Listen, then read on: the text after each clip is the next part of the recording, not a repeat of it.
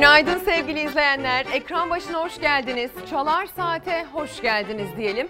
Bugün takvim yaprakları 18 Ağustos'u gösteriyor. Güzel bir salı sabahından sesimizin görüntümüzün ulaştığı her yere aydınlık bir gün dileklerini iletiyoruz her sabah olduğu gibi.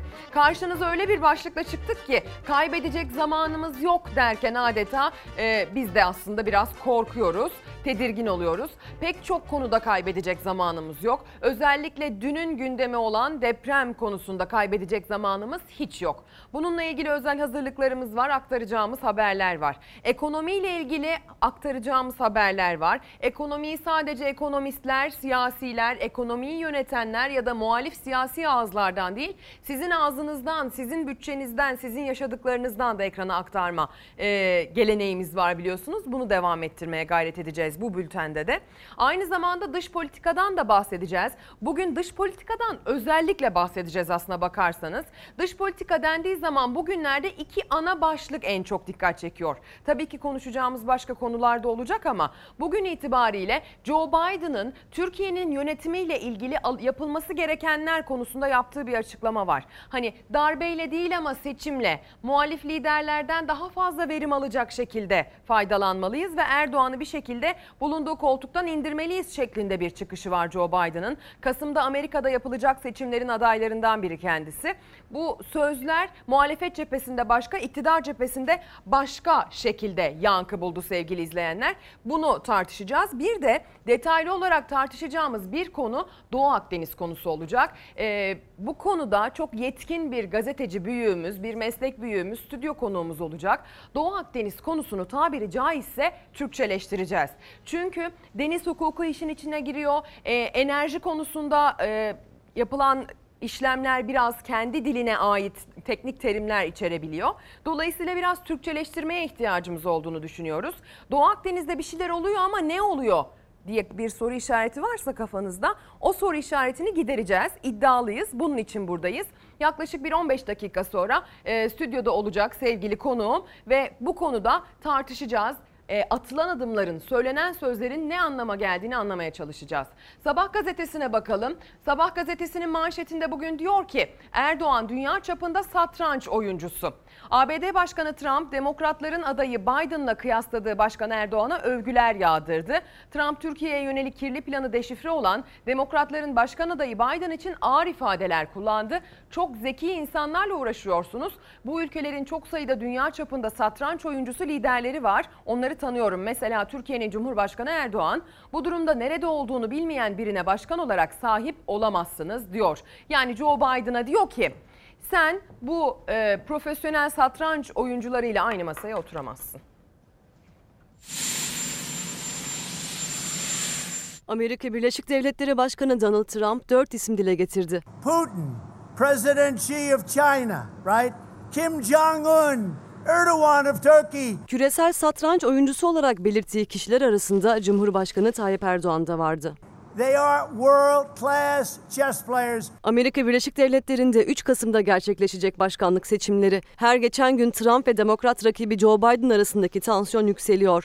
Trump rakibini gündemine almaya, onu eleştirmeye devam ediyor. Joe Biden'ın Türkiye'yi ve hükümeti hedef alan hadsiz sözleri sonrası Türkiye'den Biden'a siyasetin her kanadından tepki yağdı. We can support those elements of the Turkish leadership that still exist and get more from them and embolden them to be able to take on and defeat Erdogan, not by a coup, but by the electoral process. Trump rakibi Joe Biden'ın siyasetteki başarısızlığını dile getirdi. Dünyada küresel satranç oyuncusu olarak dört ismi vurguladı. Cumhurbaşkanı Erdoğan'ın da içinde bulunduğu liderlerle Joe Biden'ın başa çıkamayacağını ifade etti. Ancak hepsi de Biden'ın gelmesini hayal ediyor dedi.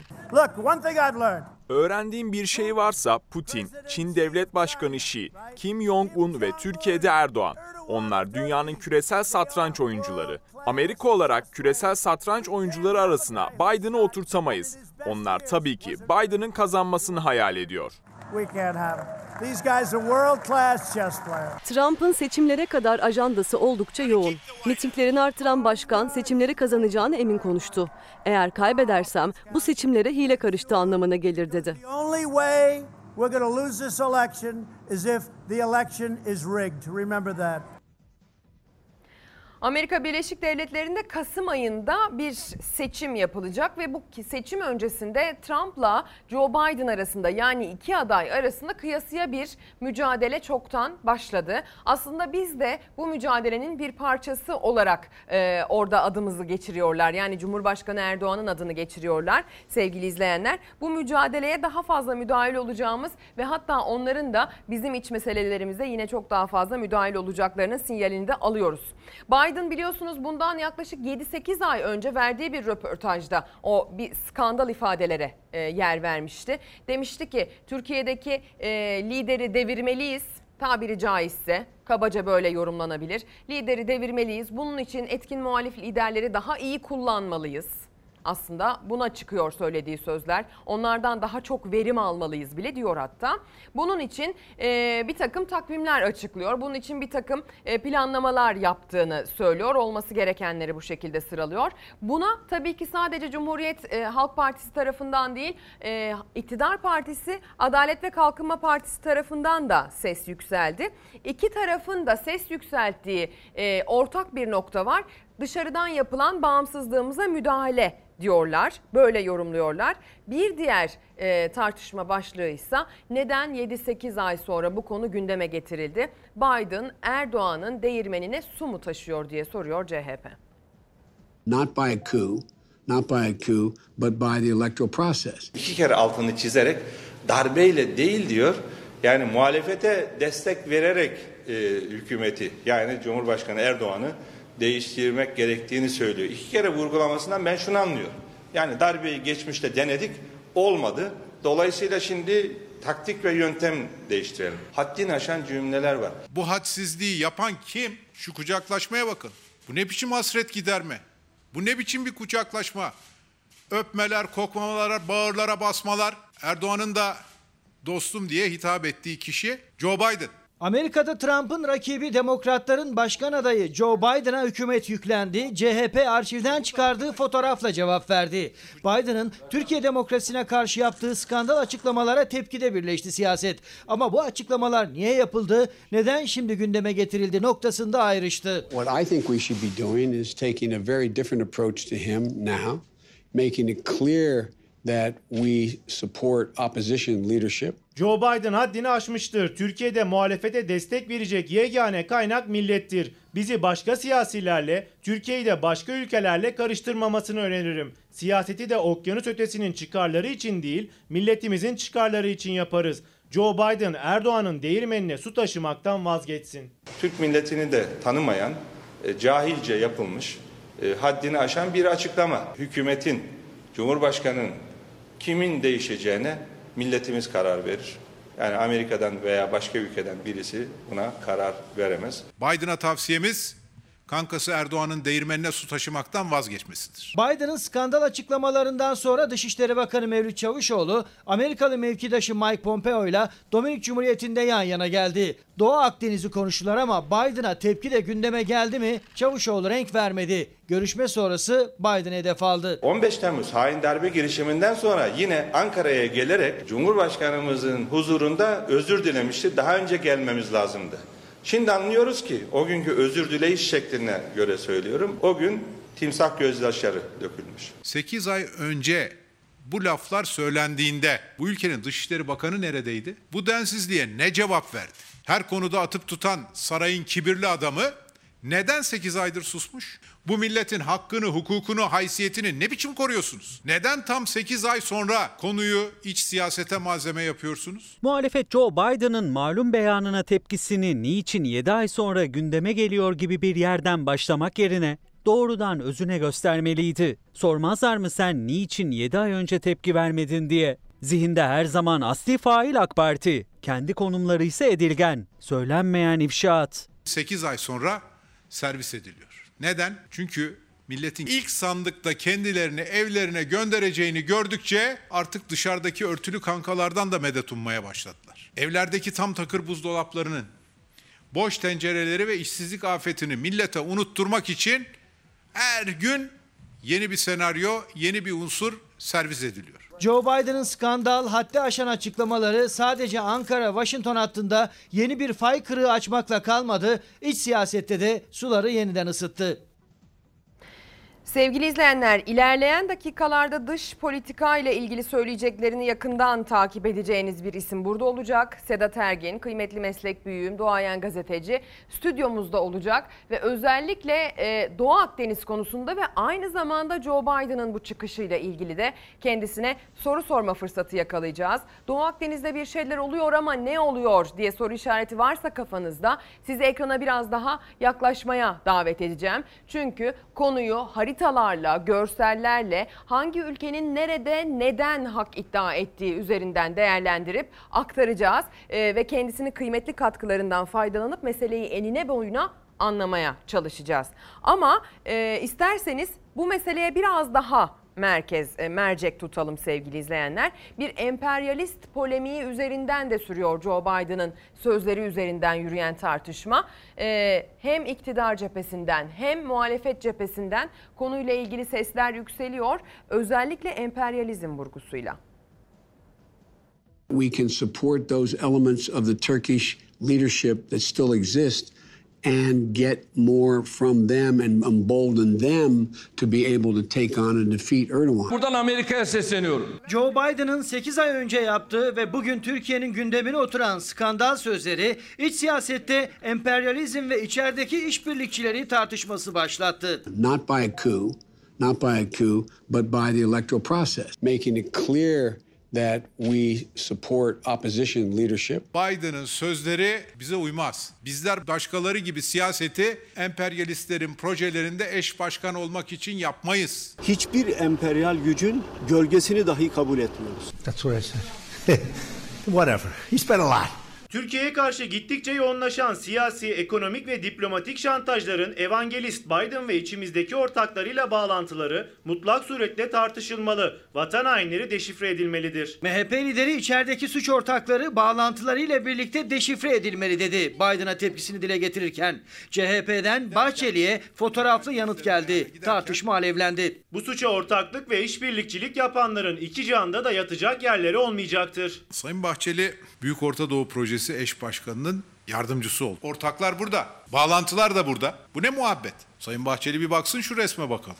Türkiye iyi yönetilmiyor, savruluyor. Sayın Bahçeli de bu savruluşa çok ciddi katkılarda bulunuyor. Türkiye Cumhuriyeti'nin Cumhurbaşkanı Sayın Recep Tayyip Erdoğan'dır. Hükümet seçilmiş ve görevinin başındadır. Bunları devirmeyi düşünmek ve dile getirmek demokrasi husumeti olmakla birlikte aleni bir suçtur. Amerika'ya emperyalistlerin ayağına giderken talihsizlik CHP'nin ABD karşıtı olması diye konuşanlardan biz hiç olmayız. CHP bir kez daha arşivi açtı. Erdoğan'ın 2005 yılında Bush'la görüşmek için Amerika'ya giderken CHP'yi Amerika karşıtlığıyla suçladığı sözleri hatırlattı. Biden'ın sözleri tartışılırken AK Parti iktidarının eski Milli Eğitim Bakanı Hüseyin Çelik'in de sosyal medya hesabından 1 Mart tezkeresi paylaşımı dikkat çekti. Kimi kastetti isim adres vermedi ama 2003 yılında tezkereye evet diyen AK Partililereydi sözleri. Biden'ın sözleri derin Amerika Birleşik Devletleri'nin genetik kodlarının deşifresidir. Amerika Birleşik Devletleri gittiği her yere kan, gözyaşı, yetim çocuklar, dul kadınlar ve harap ülkeler bıraktı.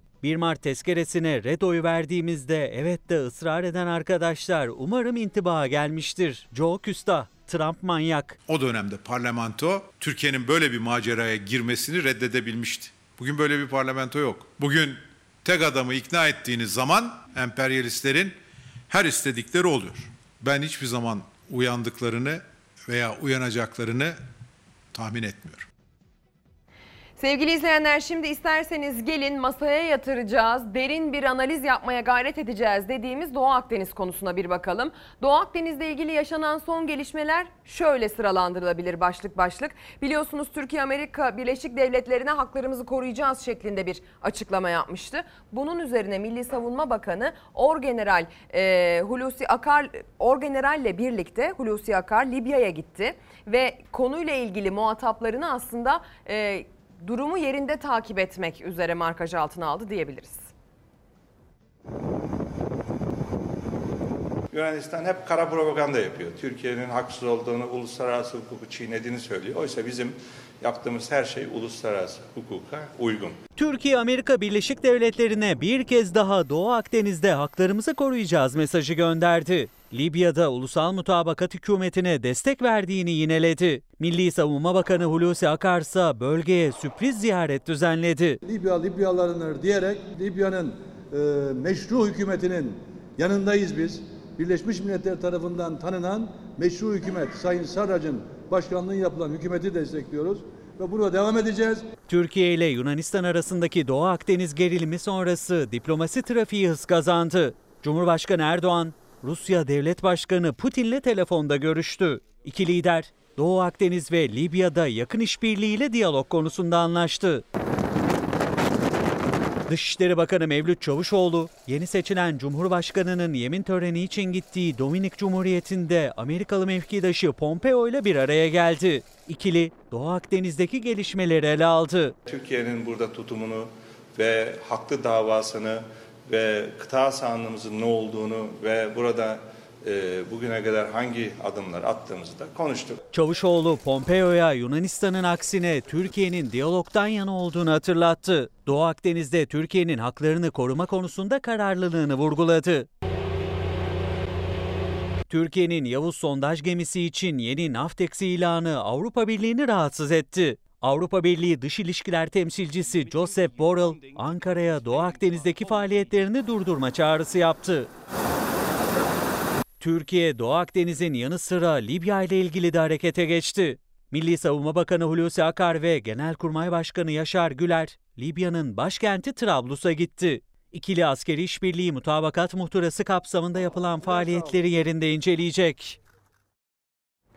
Yayın konuğumuz söz verdiğimiz gibi stüdyomuzda, yanımızda Doğu Akdeniz konusu çok çok önemli. Günlerdir Fox ana haberinde, Fox sabah haberlerinin çalar saatinde her zaman için en önemli gündem maddesi olarak önem sırasında ilk başlarda yer alıyor. Bunu bir şekilde e, vatandaşımız, izleyenimiz kaçırsın istemiyoruz. Ee, ama tabii ki biraz daha Türkçeleştirilmeye ihtiyacı olduğunu da düşünüyoruz.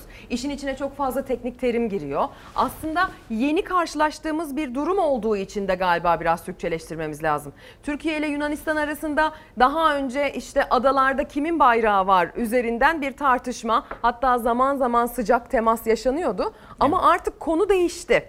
Ege Denizi değil artık e, sınır da genişledi. Akdeniz oldu. Konuysa artık nerede kimin bayrağı vardan e, bu enerji kaynağına kim evet. sahip olacağı dönüştü. Dolayısıyla teknik terimler, durumlar evet. değişti. Bunu nasıl özetleyebilirsiniz diye başlayayım istiyorum. Tarihçesine gideceksek aslında 1970'li yılların ortalarına kadar gitmemiz gerekiyor. Bu Türkiye'nin 74'te Barış Harekatı'ndan sonra e, bu Ege sorunları patlak verdi. daha önce e, bu kıta sahanlığı sorunu e, patlak verdi.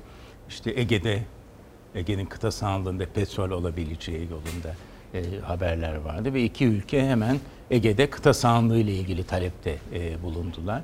Fakat tabii karasuları dışındaki kıta sahanlığı alanları e, sınırlanmış olmadığı için, belli hı hı. olmadığı için bir anlaşmazlık konusu ortaya çıktı. Yani bu hani tarihçesiyle başlarsak 1970 yılların ortalarına kadar e, gitmek ben o zamanlar o yıllarda yeni başlamıştım gazeteciliğe. İşte Hora gemisi çıkıyordu e, Ege'ye. Kıyamet kopuyordu. Yunanistan ayağa e, kalkıyordu. Sorunun temelinde ne yatıyor? Sorunun temelinde bizim Yunanistan'la sınırlarımız, kara sınırlarımız belli. Hı hı. Kara sınırlarımız gelelim. Ee, oradan Ege'ye, kara sınırının Ege'ye çıktığı noktadan itibaren Ege Denizi'nde, kara sularımızı hariç tutarsak o 6 mil. Hı hı. Onun dışında özellikle kıta sahanlığının yani o karasuların dışındaki deniz alanlarında kıta sahanlığı oradaki ekonomik zenginlikler iki ülke arası nasıl paylaşacak? Bu sınırları bilmiyoruz. Evet. Bu, bu sınırlar müzakere yani 10 yıllarca müzakere e, edildi. Fakat bir şekilde iki ülke bu sınırı kıta sahanlığını aralarında nasıl paylaşacaklarını, nasıl çizeceklerine dair bir mutabakata varamadılar. Çünkü iki tarafın tezleri e, arasında çok Farklı. büyük farklılıklar var. E, tabii Ege çok özel bir durum ama Yunanistan böyle çok maksimalist eskiden beri taleplerle çıkıyor. Bütün adaların da kıta sahanlığı vardır diyor. O şekilde gittiğiniz zaman Türkiye'ye hiçbir şey, hiçbir pay bırakmıyor. O zaman Ege'de. aslında bu bugünün tartışması değil yani bu adalar üzerinden kıta sahanlığı tanımı yılların tartışması. Tabii işte bizim kuşak biz mesleki tecrübemizi Ege sorunları üzerinde 70'li 80'li 90'lı yıllarda yaptık. Fakat bugün tabii biraz tablo değişik. Yani eskiden hep e, Ege sorunları ve Ege'deki kıta sahanlığının paylaşılması tartışılıyordu. E, bugün geldiğimiz noktada artık bu böyle bir ikili yani Ege ölçeğinde bir sorun olmaktan çıktı. Ölçek Bunun coğrafi alanı Ege'den bütün Akdeniz'i e, uzandı, içine aldı. Çok daha geniş bir coğrafya, bütün Akdeniz'i artık Ege ile Akdeniz hepsini bir bütünlük içinde e, görmemiz gerekiyor. Bu e, birinci tarafı. İkincisi yani alan genişledi, coğrafya anlaşmazlığın alanı genişledi bir. İki, e, anlaşmazlığın e, aktörleri çerçevesi değişti. Eskiden bir Türk-Yunan sorunuydu. Evet. Bugün Akdeniz sorunu olduğunda Akdeniz'e kıyısı olan sahildar olan herkes, bütün ülkeler bu anlaşmazlığın Libya'sı, Mısır'ı, Güney Kıbrıs Rum yönetimi, Rum yönetimi, e. İsrail, Lübnan, Mısır, Libya çoklu bir e, sorun hali. Ne kadar çok aktör e, karışırsa, ne kadar çok ülkenin çıkarları, menfaatleri, beklentileri söz konusu olursa tabii iş daha da içinden çıkılmaz, zor, zorlaşıyor. E, işi güçleştiren bir e, tarafı da o. Üçüncüsü sorunların da biraz e, boyutları genişledi, mahiyeti e, genişledi şu anlamda. Eskiden sadece bir kıta sahanlığı sorunuydu. Yani deniz alanı var, kıta sahanlığı ne? Ana kara parçası geliyor denizden aşağı giriyor, böyle suyun derinliklerine doğru aşağı gidiyor. Orada o e, alttaki kara parçasının denizin dibindeki tabanın altındaki kaynaklar, petrol, Doğalgaz, hidrokarbon. e, onların bütün mesele kıta sahanlığı dediğimizi alttaki kıta sahanlığın altındaki o oradaki e, Zenginliği varsa de eğer, kapsıyor. varsa eğer evet oradaki petrol, oradaki doğalgaz e, kaynaklarını kastediyor, rezervlerini kastediyor. Şimdi hep kıta sahanlığıydı geçmişti. Artık kıta sahanlığından söz ediyoruz ama yeni bir kavram da. e, Münhasır ekonomik münhasır bölge. ekonomik bölge. Bu da İkisinin e, bu- farkını belki de ortaya koyacağız. onu, onu da anlatalım. Bu 1982 e, 3. Deniz Deniz Hukuk Sözleşmesi ile geldi. Münasır ekonomik bölge diye bir kavram ortaya çıktı. E, bu münasır ekonomik bölgeden ne anlıyoruz? Sadece kıta sahanlığını değil, kıta sahanlığının üstünde suyun içindeki sudan çıkar elde edilebilecek her şey. Suyun akıntısından Hmm. e, belki enerji elde edeceksiniz. O da Belki bir de ekonomik balık. çıkar. Balıkçılık hakları yani ağırlıklı olarak buradan e, balıkçılık haklarına kıta sahanlığı ar- yani su, sudan çıkar elde edebileceğiniz, ekonomik zenginlik yaratabileceğiniz her şeyden. Balık da e, bunun e, içinde ama özellikle balıkçılık hakları çok önemli. E, şimdi tabii o zaman biraz işin mahiyeti değişiyor. Çünkü balıkçılık olduğunda bu kez suyun yüzeyinde siz bir yeri münasır ekonomik bölge ilan ettiğiniz zaman e, diyelim burası benim ekonomik bölgem e, diyorsunuz. Münasır ekonomik bölgem. Bir başka ülkenin balıkçı motoru içeri girerse o bölgeden içeri o zaman sizin sahil muhafaza botunuzun onu yakalaması lazım. Ve Evet. kıyıya çekmesi lazım. Burası çünkü benim alanım. Yani iş o zaman e, yani Daha sıcak bir noktaya mı çıkarlarınızın, taşınıyor? haklarınızın gözetilmesi, korunması da biraz daha böyle öne yeni ek e, sorumluluklar, e, görevler de e, gerektiriyor. Yani giderek e, Ege'deki e, Bakalım sorunlar- haritamıza hocam? Bakalım tabii Hı. bakalım. Birinci büyük haritamızla başlayalım. Ee, özel hazırlıklarımız var. Birden fazla haritamız var. Evet, şimdi hangisiyle anlamaya çalışacağız dedik ya. Böyle Bence- buyurun isterseniz Sedat Bey. Bence bu buna gelmeden önce ikiye geçebilir miyiz? İkiye. Tamam, İkinci geçelim. haritaya geçelim. Şimdi bu ikinci harita geçen e, e, bu geçen Aralık ayı başında Dışişleri Bakanlığı'nın bu Karacılık Denizcilik Hudut İşleri Genel Müdürü Büyükelçi Çağatay Erciyes'in e, bir tweet mesajı, bir tweet mesajında ilk kez bu harita e, ortaya çıktı. Aslında bu harita ne? Bu harita Türkiye'nin Akdeniz'deki, Ege'yi katmıyoruz, Akdeniz'deki e, kıta sahanlığını, münasır ekonomik bölge Değil, şu an kıta değil, sahanlığı. kıta sahanlığı sadece. E, kıta sahanlığını nasıl gördüğünü anlatıyor. Hı hı. Bu Birleşmiş Milletler Birleşmiş Milletler'e, Genel Birleşmiş Milletler Genel Sekreterine de e, iletilmiş olan, bildirilmiş olan, yapılan bildirimlerle uyumlu o çerçeve. Türkiye'nin kıta sahanlığı burada görüleceği gibi A noktasından başlıyor. Kuzey Kıbrıs Türk Cumhuriyeti'nin üstünden geçiyor. Kıbrıs'ın e, batı şu B noktasından C noktasına geliyor. Şu C noktasından D noktasına kadar olan e, hat dikkat edileceği gibi Türkiye'nin Anadolu'nun kıyılarıyla Mısır'ın sahili arasındaki ortay hattı büyük ölçüde Hı hı. izliyor. Adil duruyor aşağı evet, yukarı evet, bakınca. Yani eşit paylaşıyor e, Mısır'la. Ve D noktasından geliyor. Şimdi şu EF noktası e, bu birazdan göreceğiz önemine. Türkiye Libya ile e, şimdi Türkiye'nin kıta sahanlığı buraya kadar iniyorsa Libya'nınki de buraya kadar Lib- geliyor. Libya buraya kadar geliyor şimdi. Ve Yunanistan buna e, deliriyor çünkü onlar Girit'le böyle ortadan geçmesi gerektiğini e, düşünüyorlar. Onu da e, göstereceğiz. Şimdi buraya kadar geliyor. Dikkat edileceği gibi Girit, e, bu Kaşot burada iki ada daha var. Buradan Rodos'tan Marmaris'e kadar e, geliyor. Ve Türkiye'nin bakışında, resmi tezinde bu adalara sadece karasuları kadar bir e, Hak veriliyor. hak veriliyor. Onun dışına e, ve de burada sonra Meis'e geleceğiz. Burada bakın küçük bir nokta. Evet. Meis'e de sıfır etki veriliyor. Bu bir Yunan adası. 2 kilometre kadar Türkiye'ye Böyle taşı yakın. atıyorsunuz. Evet. Kaştan meclise Evet, düşüyor. Evet, seslenirseniz belki Seslenirseniz gece. duyuluyor. Şimdi e, burada bu başlama noktası. Yani Türkiye'nin bakışında tasavvurunu, Türkiye'nin resmi tezi bizim kıta sandığımız budur e, diyor. Buraya kadar yani Türkiye Akdeniz'in ortasına kadar inmesi gerekir diyor. Türkiye'nin e, tezi Birleşmiş Milletler'e de e, iletilmiş olan harita. Şimdi bir sonraki haritaya, bu Üçe Dışişleri gelelim. Bakan dediğim gibi bu e, açık bir e, belge. Şimdi bir sonraki belgeye geçeyim. Bu Türkiye'nin tezi ama Hı hı. Kıbrıs Rum yönetiminin ve Yunanistan'ın da e, Herkesin farklı tezleri var. te- Tam tezleri, olarak bu e, haritada olduğu gibi. Şimdi bu tezin, e, şimdi burada işler biraz karışmaya başladı. Şimdi burada bir önceki haritada görmüştük. Türkiye'nin kıta sahanlığı bu A, B, C, D, kırmızı F, çizgi E, F. geliyordu.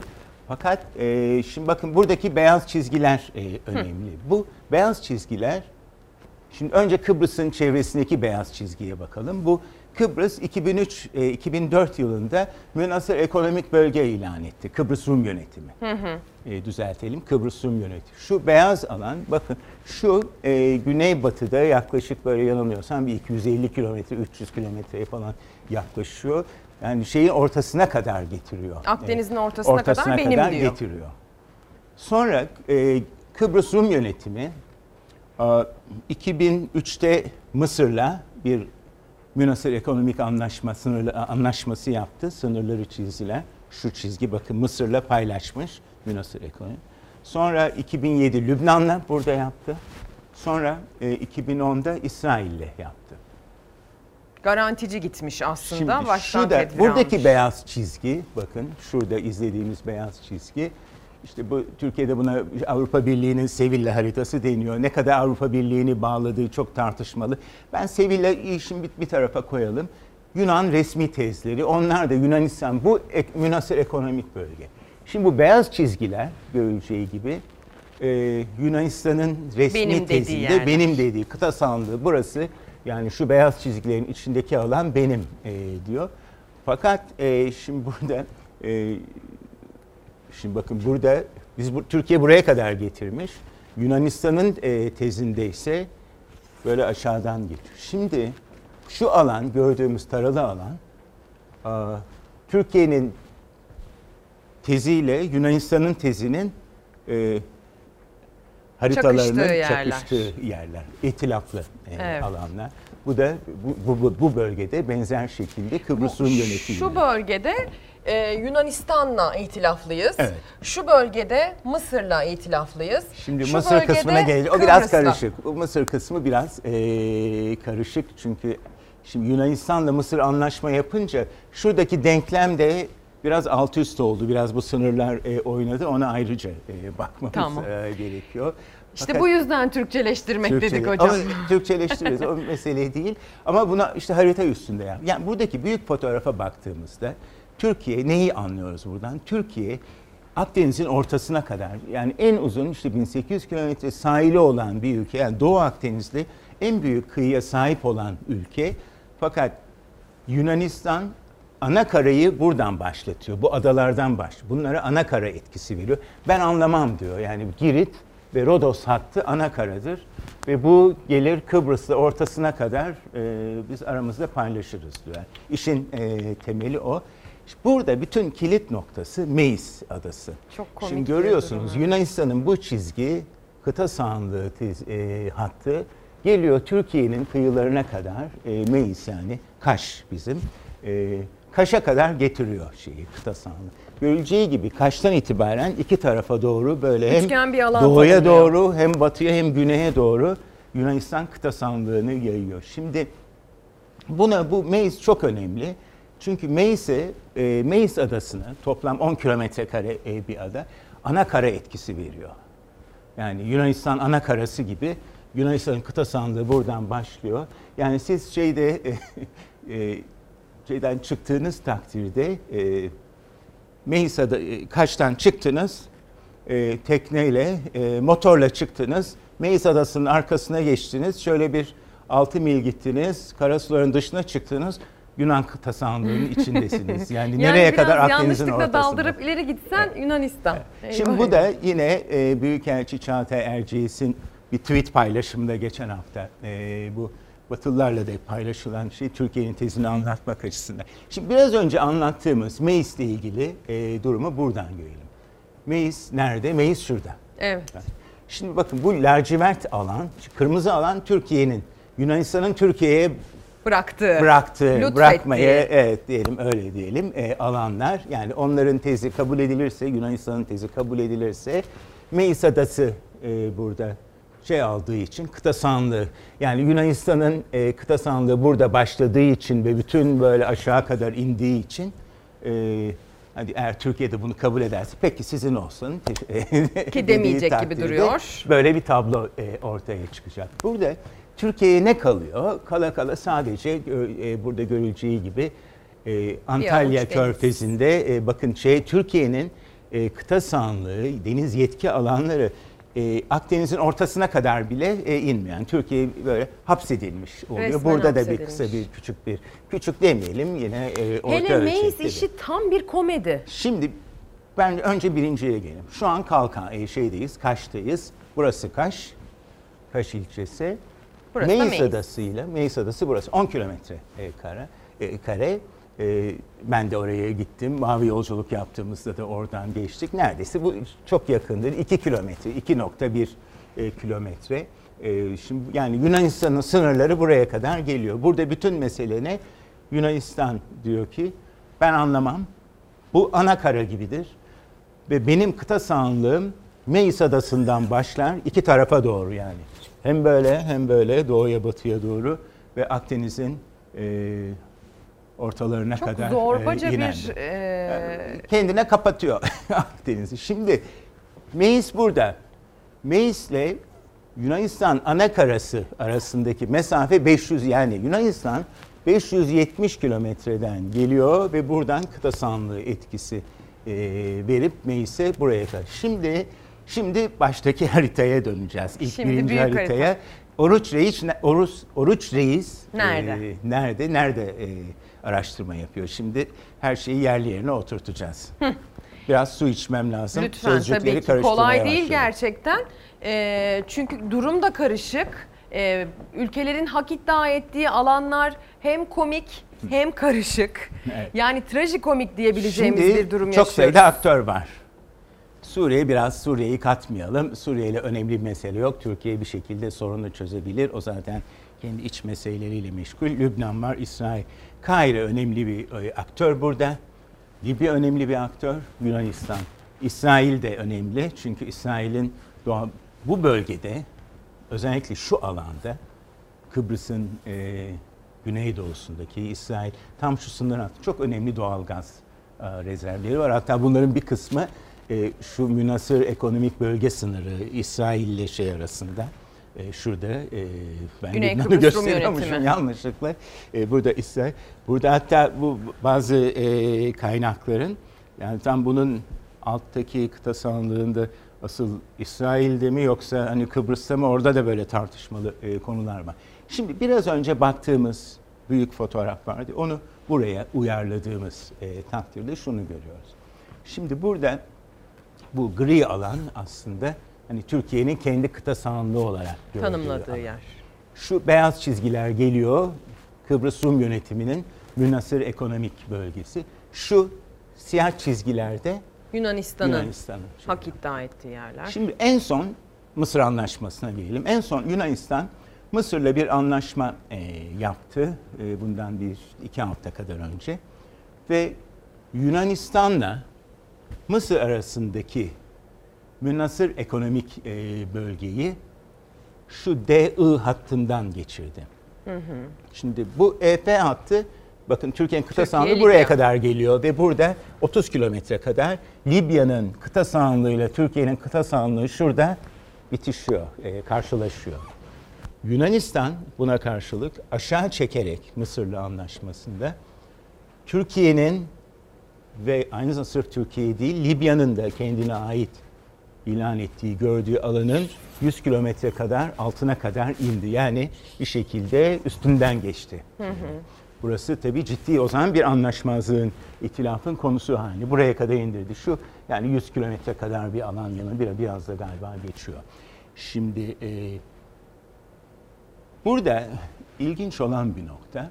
Normalde Girit Adası ile Mısır arasında ortay hat yani orta noktalar alınıp oradan bir çizgi çekilse şu hattı izlemesi gerekiyordu. Yani iki Yunanistan'la Mısır arasındaki e, sınırın, e, deniz e, yetki alanı sınırının buna karşılık biraz yukarı e, orta hattın üstüne çıktı Yunanistan. Buradan neyi anlıyoruz? Mısır'a biraz şu mor alan ekstra Hediye bir edildi. jest, biraz e, onlara bir böyle e, lütufta bulunmuş e, gibi oldu. E,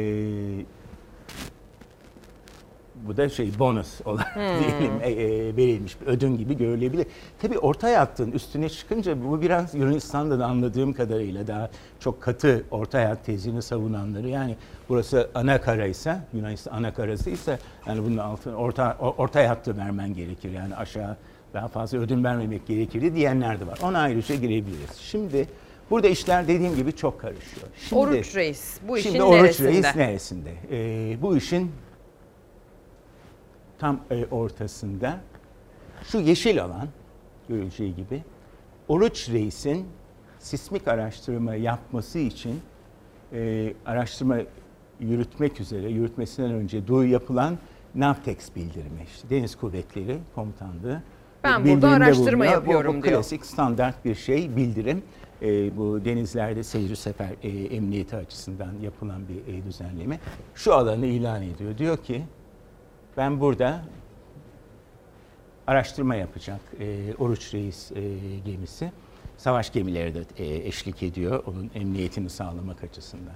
Şimdi Oruç Reis'in alanına baktığımızda aslında ne Yunan adalarına yakın ne Kıbrıs'a yakın şu alan Kıbrıs'la Yunan adalarının Girit'in neredeyse Akdeniz'de ortasında kuzey güney aksında kuzey güney aksında çok e, iyi hesaplanmış.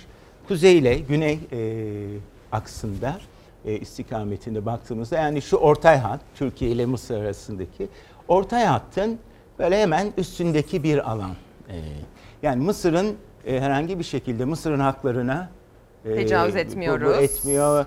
Ş- şeyde Yavuz'da galiba biraz sorun var Mısır'la ilgili. Mısır e, Rum anlaşması ile ilgili. Neyse onu bir tarafa bırakalım. Şu alan. Şimdi fakat bu alan şu beyaz çizgi Rum yönetiminin e, münasır ekonomik bölgesi. Bakın iki yerde Rum bölgesinin e, içine girmiş. Şöyle iki tane üçgen Hı hı, var hı. burada. Yani orada da e, birilerinin nasırına şöyle basıyorsunuz. E, ben buradayım diyorsunuz. Evet. Şimdi, İyi ama ki. asıl sorun burada Kıbrıs Rum yönetiminden çok e, şu bakın şu alan Yunanistan'ın kendine ait şu siyah e, şu bakın Meis'ten geliyor ya şöyle. hı, hı hı. Bu Yunanistan'ın kendi kıta sahanlığı burası benimdir dediği En büyük alan. muhalefeti Yunanistan'a onun sergiliyoruz. Onun güney e, sınırına gelip burayı ilan ediyorsunuz. Yunanistan burası benim diyor. Siz diyorsunuz ki hayır Senin Yani değildir. Türkiye Oruç Reis'i göndermek için şöyle bir bölgeyi de seçebilirdi. Hayır, Ama öyle bir ki. bölge seçti ki Mısır'a mesafesini de ortaya koydu. tabii. Yani Mısır'la çok muhalif değilim diyor. Güney Kıbrıs Türk Cumhuriyeti'ne de diyor ki ben buradayım ona Öyle, göre. ona göre, evet, Ee, Yunanistan'a ise en yüksek e, perdeden Burada ama muhalefeti önemli, gösteriyor. önemli olan şu, öne- önemli olan nokta şu. Şimdi buraya Yunanistan itiraz ediyor. Neye dayanarak itiraz ediyor? Yunanistan şiddetle itiraz ediyor. Burada araştırma yapamazsınız. Orası benim kıta sahanlığım. Türkiye diyor ki neye dayanarak e, kıta sahanlığı? Yunanistan diyor ki Meis adasından çünkü diyor kıta sahanlığım benim. Meis'ten başlıyor diyor. Aşağı doğru iniyor diyor. Oraya kadar geliyor diyor. Bu tabii Oruç Reis için seçilen bölge Türkiye açısından taktik olarak şöyle bir e, yarar sağladı. Hı hı. Özellikle Batılıların, Avrupa Birliği'nin dikkatini çekmek açısından yani haritayı koyup iyi tamam da yani bu makulmuş şimdi. Yani burada bir gemi araştırma yapıyor. Şu Meis Adası'nın e, Meis Adası'na kıta sahanlığı etkisi verip buraya kadar kıta sahanlığını Yunanistan indiriyor. Hı hı. Bu gerçekçi mi, makul mü? Elinizi vicdanınıza koyun. Olmadığı çok bakın. açık. Çok çok Şimdi açık. Bu tabii Yunanistan'ın mi? tezlerinin çö- çözülemez. Yunanistan'ın tezlerinin gerçekçilikten ne kadar uzak olduğunu yani makul olmadığını göstermesi açısından tabii çok çarpıcı. Eğer Türkiye bu araştırmayı yani Oruç Reis'in araştırma alanını, o Navtex bildirimini Girit'in hemen böyle bitişiğinde yapsaydı Yunanistan belki bir argümanı olabilirdi. Benim karasularımın hemen yanında yapıyor olurum böyle şey diyebilirdi. Bu ama dediğim gibi tam ortadaki Çok bir stratejik alanın şeyi. seçilmiş bir Özellikle nokta. Meis'le Naif bir ilgili. Yunanistan'ın e, Yunanistan'ın Meis'le ilgili tezinin dediğim gibi ne kadar böyle maksimalist ve de e, gerçekçilikten uzak olduğunu etkili bir şekilde uluslararası camiaya e, anlatabilmek böyle bir göz açıcı, e, sarsıcı e, etkisi e, olması amaçlanıyor. Reklam E, zorunluluğuma bir dakika kaldığını özellikle belirtmek isterim. Hı. Ee, Sonra dönecek miyiz? Yoksa? Sonrasında bir beş dakika dönme Tamam, şansımız tamam. olacak ama e, Bütün mesele son bir şey daha ekleyeyim. Hı hı. Aslında Türkiye bu o yeşil bölge var ya Oruç Reis'in araştırma yapmak istediği. Şimdi biliyorsunuz aslında daha önce 21 e, Ağustos'ta bu Navtex burası için ilan edildi. Bu bildirim, bu bölge ilan edildi. Avrupa Birliği çok telaşlandı. Panikledi. Almanlar e, araya girdi ve böyle bir tür bir anlaşmaya varıldı.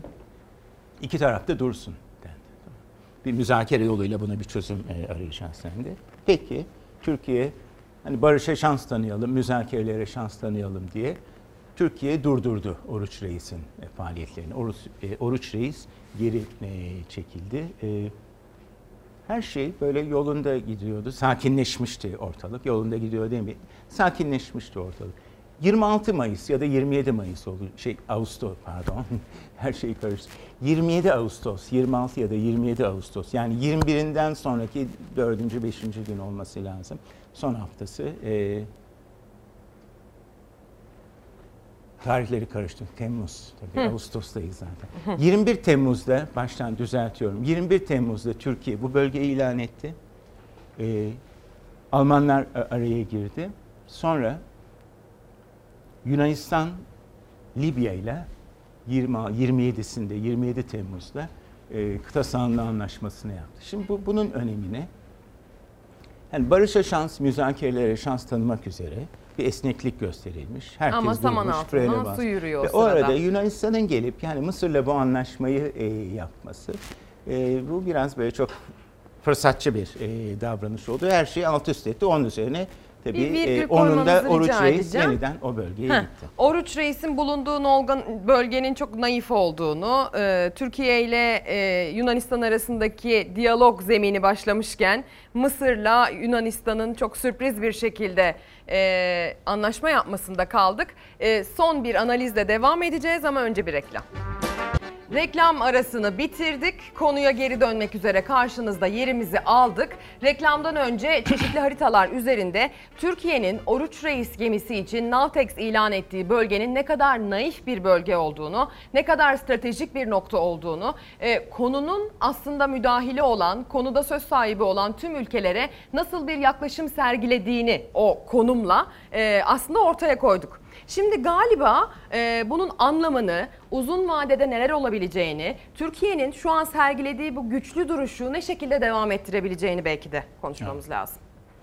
Ee, biraz önce haritadan e, söz ettiğiniz gibi haritada e, sorunun bütün boyutlarını ortaya koyduk. Bütün Akdeniz'e yayılmış olan ve Akdeniz'in hem suyunu, suyun üstünü, suyun altını, balıkları, suyun içindeki balıkları, suyun altında kıta sandığı, kıta sandığının altındaki varsa doğalgaz, petrol ki önemli bir yer, e, bazı noktalarda olduğunu biliyoruz.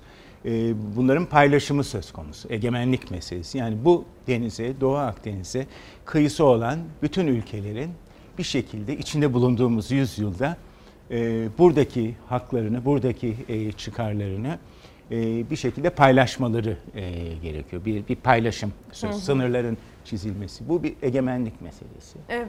E, bu egemenlik meselelerinin e, halli, çözümü kolay değil. E, tarihte işte bu ülkelerin aralarındaki egemenlik sorunlarını bazen savaşarak, bazen masada diplomasi yoluyla çözdü. Bunun pek çok örneğini biliyoruz. Tarihten verebiliriz. Şimdi burada tabii ki arzu edeceğimiz e,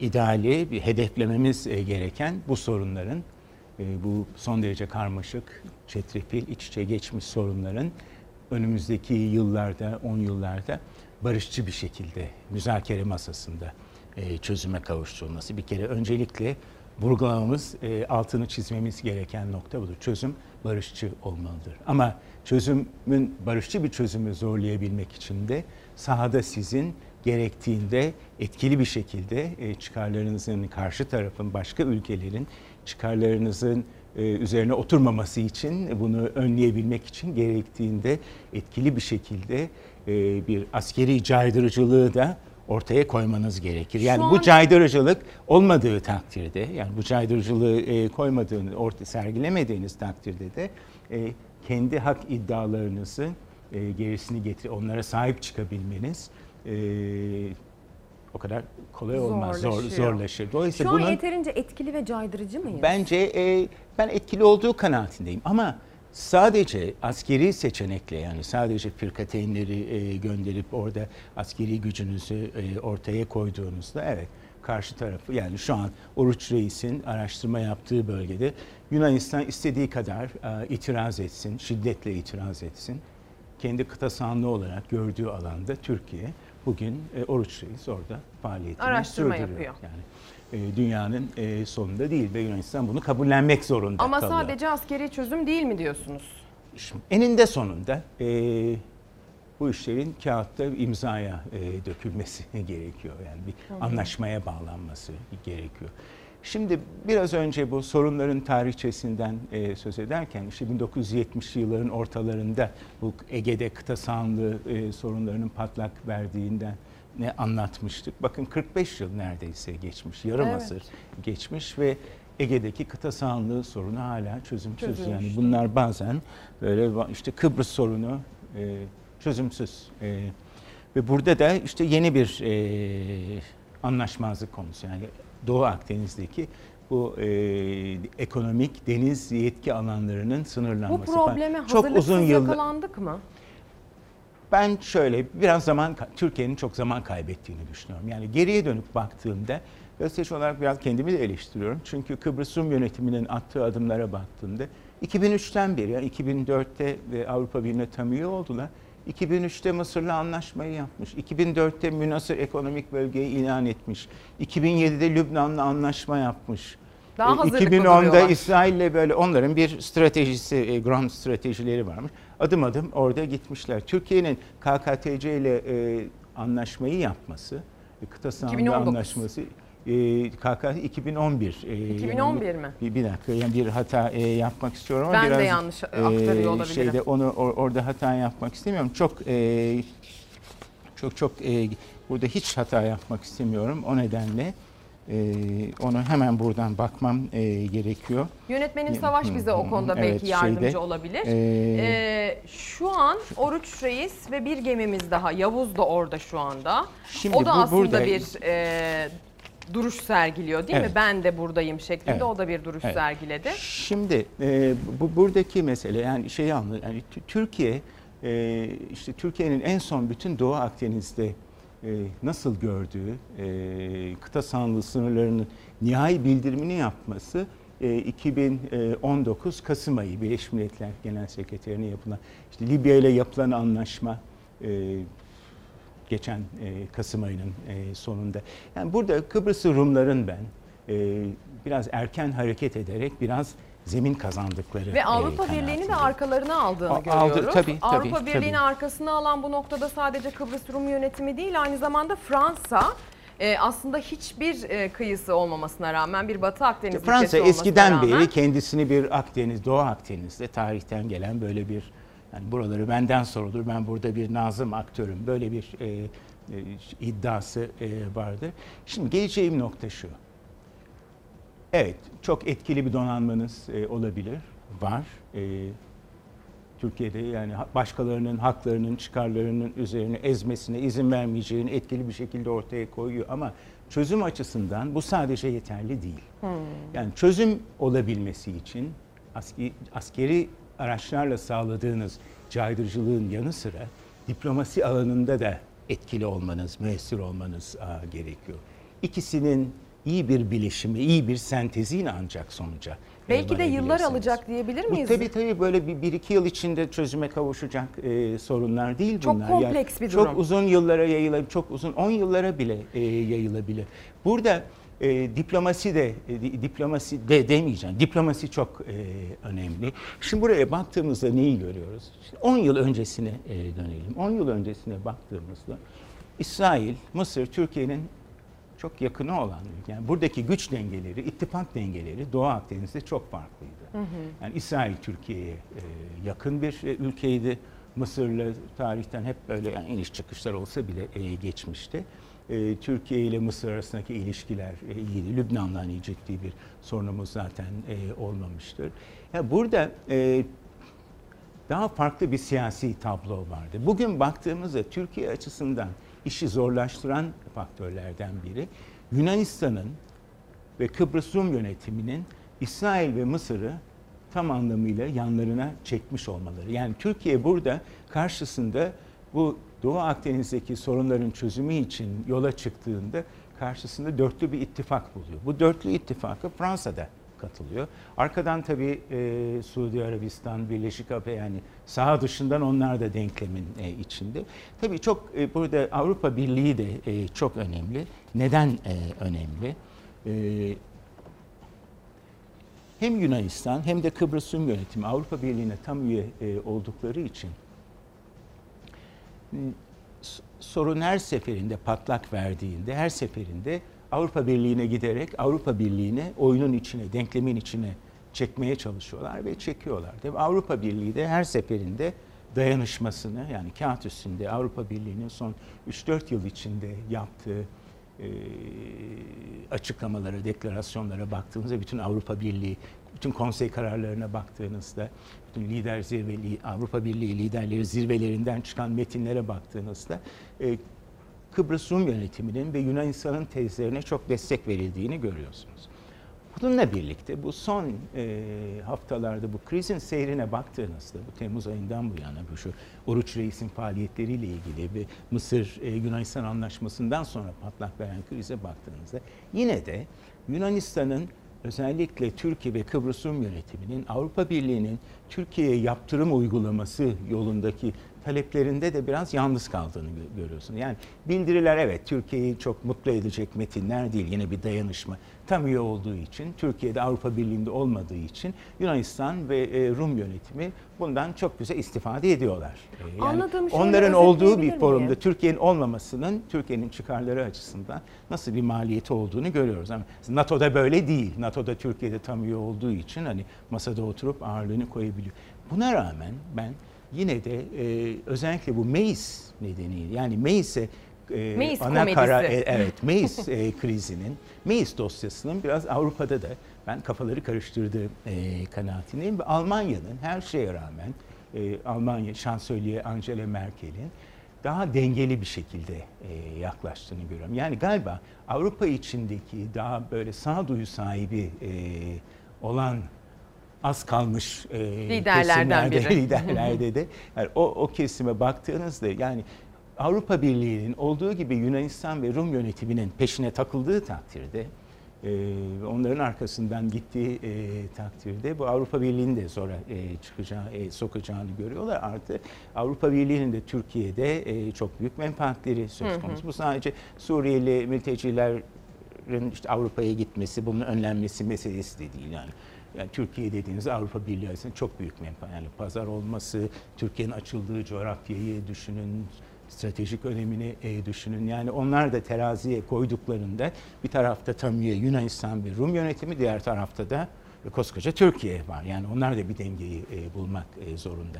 Burada Türkiye'nin e, yapması e, gereken yani bu sorunların çözümünde sadece gambot diplomasiye, sadece pirkateynleri kriz bölgesine göndererek evet bu da gerekiyor zaman zaman bunu e, belki çok sık yapmanız Ama- gerekiyor ama aynı zamanda e, diplomatların da e, sahada olması a, gerekiyor bir. İkincisi e, ya dediğim gibi iş diplomasiye geliyor ve Türkiye'nin Doğu Akdeniz'de şeye gelebilirsek bir önceki haritaya Türkiye'nin müttefikler bulması lazım. Yani baktığımda ben Dost kazanması e, lazım. e, do- dost kazanması lazım. Yani sahi herkes sizin e, Türkiye'nin şu an Doğu Akdeniz denkleminde hani kendisine müttefik olarak yanında bulduğu ülke Libya. E, yani Lübnan'ı ben denkleme e, koymuyorum. E, onun dışında hani Suriye zaten kendi can derdinde bir iç savaşa e, sahip. Türkiye burada e, yani Türkiye'nin e, yani bugün Türkiye'nin resmi politikası bu değil. Ben de resmi politikaya e, ters düşen bir şey söyleyeceğim ama Türkiye'nin ne yapıp yapıp Mısır'la ve İsrail'le diyalog kanallarının Türkiye'nin açık lazım. olması gerekiyor. Yani Türkiye gibi bir ülkenin bölgedeki İsrail ve Mısır gibi iki önemli e, ülkeyi olduğu gibi Yunanistan ve Kıbrıs Rum yönetimine e, bırakmış Bırakmaması olması, gerekiyor. bırakmaması Yanına çekmesi gerek- lazım. Yanına bir, bir şekilde bunun dengelenmesi gerekiyor. Kaldı ki Sayın Cumhurbaşkanı'nın geçenlerde yaptığı, tam tarihini hatırlayamam ama son bir hafta, on gün içinde yaptı. Geçen hafta yanılmıyorsam Mısır'la bazı görüşmelerin yapıldığını sö- söz et, e, söyledi. Bu iyi işaret. O her şeye rağmen e, Türkiye'nin de Mısır'ın da bir şekilde diyalog kanallarını açık tutmaları gerektiğini gösteriyor. Şimdi buradaki sorun şu. Hani ne istiyoruz? Sorunun gerisinde biraz da e, bu devletler hukukunda, bu deniz hukuku sözleşmesinde ona da bir kısaca değinmek gerekiyor. Maalesef orada şöyle bir güçlük var. Türkiye bu 1982 tarihli deniz hukuku sözleşmesine taraf değil. Bir taraf özet rica olmamalı. edeceğim. Hı? Bir özet- çok özet. bir Çünkü özet son deniz rica hukuku edeceğim. sözleşmesinde onun bir 121. maddesi var. Adaların da kıta sahanlığı vardır diyor. Tamam tabii olacak ama adaların kıta sahanlığında e, sınırlarının belirlenmesinde işte ana kara gibi e, bu işe bakılır. O mealde ifadeler var. Ama deniz hukuku, sözle, hukuku sözleşmesinde hakkaniyet ilkesine de e, atıf var Hı hı. e, baktığınızda. Yani Türkiye zaten tarafta e, değil. Burada hakkaniyete uygun bir çözüm e, olması gerekiyor. Hakkaniyete uygun bir çözümü masada e, zorlayabilmeniz için de e, uluslararası alanda biraz yanınıza e, dostlar Dost. çekmeniz lazım. Sizin de bir e, sizin de e, masaya koyacağınız karşı ağırlıklarınızın olması e, gerekir. Dolayısıyla şu anki Doğu Akdeniz'deki ittifak dengesinin e, bir şekilde kırılması gerekiyor. Ben bu kadar yıl e, dış politika konularını izliyorum. Yani bundan 10 yıl önce bana gelip Türkiye'nin Mısır ve İsrail'le böyle karşı kamplara düşeceğini, Mısır ve İsrail'in Yunanistan'ın yanında Türkiye tavır alacağını söyleseydiniz 10 yıl önce ben size e, Olmaz mı e, derdiniz? işte inandırıcı bulmazdım, işte gerçekçi bulmazdım. Bu yani bunun da öngörülebilirlik sınırlarını zorlayan bir şey olduğunu e, söylerdim. Ama maalesef artık onun tartışmasına girmiyorum. Neden böyle oldu? Olmaması e, gerekirdi bence. Ama hani olayların akışı bizi buraya getirdi. Olan olmuş. Ama en azından bundan sonrası için Türkiye'nin bu e, bu dörtlü beşli e, ittifakı bir şekilde kırması, dağıtması e, Gerektiğini gerekiyor. Aş- Ben bunu- şöyle Türkiye'nin anlıyorum. bunu aşması Bu gerekiyor. bir 100 metre koşusu değil. Çok Bu uzun bir soluklu bir maraton koşu. koşusu. Bu maraton koşusunda Türkiye yanına dostlarını alarak, güç toplayarak, argümanlarını, ağırlıklarını masaya koyarak, Dostlar edinerek. uzun e, Dostlar edinerek, edinerek. e, uzun yıllar içerisinde bu diplomasi e, trafiğini sürdürüp e, meseleyi kendi lehine çevirme şansına sahip. Evet. Türkiye zaten bakıldığında coğrafi olarak da en yüksek hak sahibi olacak ülkelerden bir tanesi. Bu e, coğrafi konumundan doğan doğal hakkının peşine düşerse ve bu anlamda bir dost ülke psikolojisi e, uygularsa öyle bir organizasyon içine girerse galiba başarır diye anlıyorum öyle mi? Bu bunu yaparken e, dediğim gibi yani Avrupa içinde de Türkiye'nin kendine çok yakın e, müttefikler edinmesi yani Türk Avrupa Birliği'ne olduğu gibi Yunanistan'ın yanında e, yer alması Türkiye'nin çıkarlarına ters düşen bir şey. Yani Türkiye'nin en azından Avrupa Birliği'ni kendi içinde e, Avrupa Birliği'nin kendine yakın dostlar edinmesi gerekiyor. Yani Avrupa Birliği'nin böyle bir homojen Türkiye'ye karşı menfi çalışan bir blok olmaktan çıkartacak etkili bir Çok diplomasi uygulanması gerekiyor. Çok çok teşekkür Ben ediyorum teşekkür bu kıymetli ederim. katkılar Rica için. ederim. Adeta bir öğretmen edasıyla Aman, aman, ders şart- anlatır aman, gibi aman, bize bu ederim, meseleyi rica Türkçeleştirdiği için biz buradan bugün bu sonucu çıkartıyoruz. Türkiye bugünkü kararlı duruşunu sergilemeyi devam ettirirse ve uzun yıllar içerisinde gerek askeri olarak gerek masa başında diplomatik anlamda bu kararlılık e, sürdürülürse bir de Avrupa Birliği'nden ve bölgedeki aktörler üzerinden dost müttefikler edinilirse e, bugünkü duruş sergilenmeye devam ederse o zaman buradaki doğal haklarının sahibi olabilir diyoruz. E, Sedat Ergin meslek büyüğü, duayen gazeteci konuyla ilgili bize kıymetli katkılarını sundu. E, konukluğunuz için, kıymetli katkılarınız Ben- ben için çok çok teşekkür ben ediyorum. Türkiye'nin başka gündem maddeleri de var biliyorsunuz. İzleyenlerimiz onları da bekliyorlar. Onlardan devam edeceğiz. Sevgili izleyenler öncesinde isterseniz koronavirüs pandemisi konusunda geldiğimiz son noktayı, son tablomuzu ortaya koyalım. Son tablo üzerinden yapılan çıkarımları ortaya koyalım. Sonrasında hem yurda hem de dünyaya bakacağız. Türkiye'de hasta sayısı artıyor, hızla artıyor ve hasta sayısının artmasına bağlı da orantısal olarak ağır hasta sayısı artıyor. Hızla artan ağır hasta sayısı son tabloda 686'ya ulaştı. Önceki güne göre bu sayı 7 kişi artmış gibi gözükse de son 24 saatte yaşamını yitiren 22 ağır hastanın da yerine yenilerinin geldiği düşünülürse durum çok daha vahim. Günde 30 kişi ağır hastaların arasına giriyor. Bir de üstüne üstlük hastanelerde gerçekten yer problemi var şu anda. Çok dolu hastanelerimiz, yoğun bakımlar dolu. Sedyelerde entübe hastalar e, yattığına dair bilgiler geliyor bize. Orta ve hafif derecedeki zatürre hastaları bile e, evlerde tedavi edilmeye çalışılıyor. Şu ana kadarki toplam vaka sayımızdan 12.366 kişi halen aktif hasta. Yani virüsü yayma potansiyeline sahip. 1192'ye gerileyen yeni vaka sayısı 1233'e yükseldi. Sağlık Bakanı Fahrettin Koca hali hazırda tedavisi süren 12.575 aktif vaka olduğunu açıkladı. Türk Tabipleri Birliği Başkanı Doktor Sinan Adıyaman'a göre ise bu rakam çok daha fazla. Toplumda PCR testi ile tanı alanların e, en az e, 10 kat kadar daha fazla aktif vaka bulunduğunu e, açıklıkla belirtebiliriz. Yani sokaklarda dolaşan ve virüs tanısı konulmayan 120 binden fazla hasta var. Aslında vaka artışı Haziran ayındaki normalleşmeyle başladı. Bayram tatiliyle iyice fazlalaştı. Yeni normal salgın bitti gibi algılandı. Sağlık Bakanı da bu umursamazlığa sosyal medyadan bir örnek verdi. Yapılan bir paylaşım toplumun bir kesimindeki vurdum duymazlığın kanıtıydı. Asansöre bindim. Hemen peşimden 4 kişilik bir aile girdi asansöre. Maskeleri yoktu. Yanlış anlamazsanız siz sonraki asansöre binebilir misiniz? Maskeniz yok dedim. Yok ben inmem. İstiyorsan sen çık. Kendine güvenmiyorsan insan içine çıkmayacaksın dedi. Maskesini takmadığı için uyarıldığında kendine güvenmiyorsan insan içine çıkmayacaksın diyen var. Kendileri bugün yarın tedavi altında, izolasyonda ya da hastalığı bir yakınına bulaştırmış, özlü sözlerini gözden geçiriyor olacaklar. Türkiye'de salgın hızı giderek artmakta. Toplam 623.766 kişi karantina altına alındı. Tanı konulan hasta sayısı 250 bini aştı. Sağlık Bakanı Fahrettin Koca yeni vakaların kolay iyileşebildiğini ancak yayılımın tedavisi zor hasta sayısını arttırdığına dikkat çekti. Sevgili izleyenler yurttan korona başlıklarını da size aktaracağız. Basri Şen ekran başında eğlence mekanları yaklaşık 6 aydır kapalı. Restoran ruhsatı alıp 3000-5000 kişilik gece kulüpleri açıkken bizim gibi e, meyhane ruhsatı olan 100 kişilik mekanı olan küçük esnaf hala kapalı. Devletten hiçbir destek yok diye bir mesaj göndermiş. Kaybedecek zamanımız yok başlığına. Bakın koronavirüs tablolarının karşılaştırması da kaybedecek zamanımız yok diyor. 16'sında 1192 kişinin hasta olduğu tespit edilmiş. Ee, 17'sine bakıldığında 1233 kişinin hasta olduğu tespit edilmiş. 65.900'den 74.800'e yükselmiş test sayısı ki bu istenen bir şey. Vefat sayısı 19'muş, 22 olmuş e, hiç azımsanmayacak kişi e, sayıda kişilerin vefat ettiğini görüyoruz koronavirüs nedeniyle. Ve maalesef iyileşen hasta sayısı 1000 civarında devam ediyor 3 aşağı 5 yukarı. Ağır hasta sayısı ise 679'dan 686'ya yükseldi sevgili izleyenler. Yurttan başlıklara baktığımızda ise tedbir ve ihmal baş başa gidiyor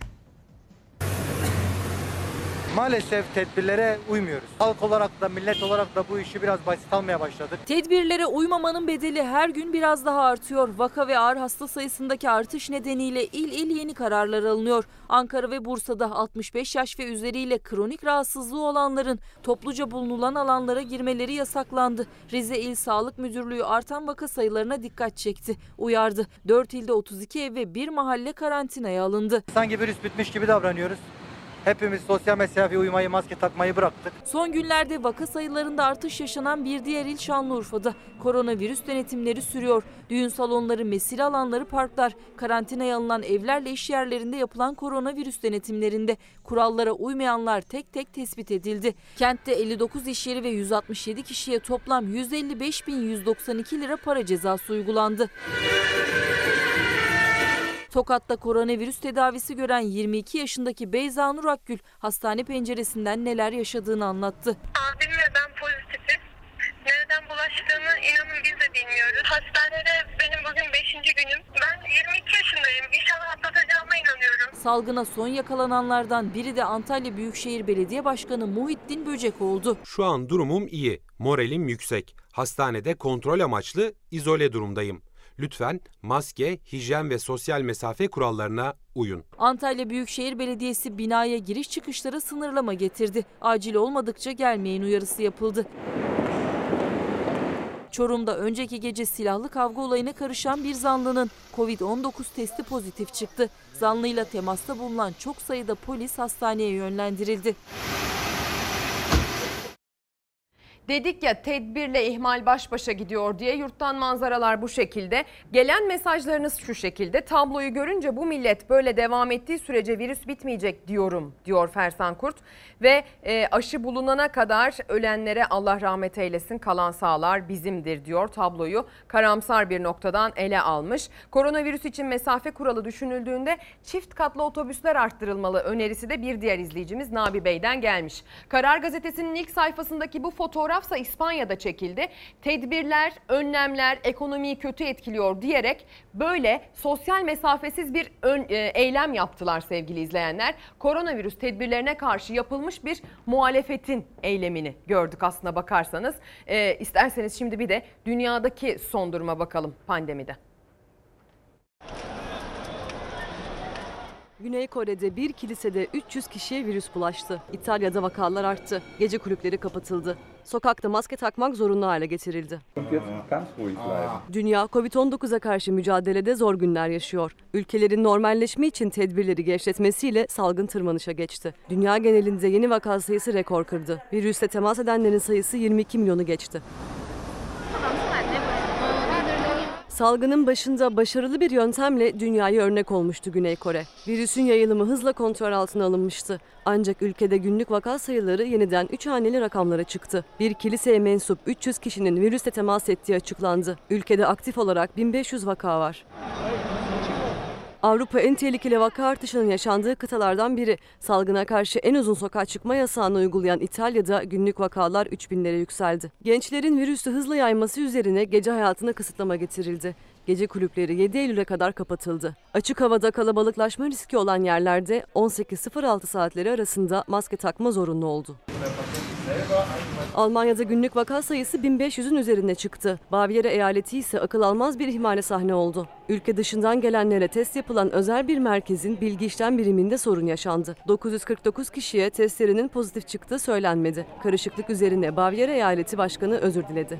Lübnan, Beyrut'ta yaşanan facianın ardından vaka artışıyla karşı karşıya kaldı. Son 24 saatte 439 kişi virüse yakalandı. Sağlık Bakanı hastanelerde yoğun bakım üniteleri ve solunum cihazı eksikliği yaşandığına dikkat çekti. Yetkilileri ülke çapında iki haftalık sokağa çıkma yasağı ilan etmeye çağırdı. Sevgili izleyenler dünyadan koronavirüs başlıkları bu şekilde. Peki dünyanın gündeminde en çok konuşulan konularda neler var diye soracak olursanız aslına bakarsanız bizim en fazla dikkatimizi çeken e, dış haber Almanya'dan geldi. Biliyorsunuz Amerika'da geçtiğimiz aylarda bir George Floyd vakası yaşanmıştı. Bir polis George Floyd'u gözaltına almadan önce diziyle boynuna bastırmış ve dakikalarca öyle kaldığı için George Floyd ölmüştü.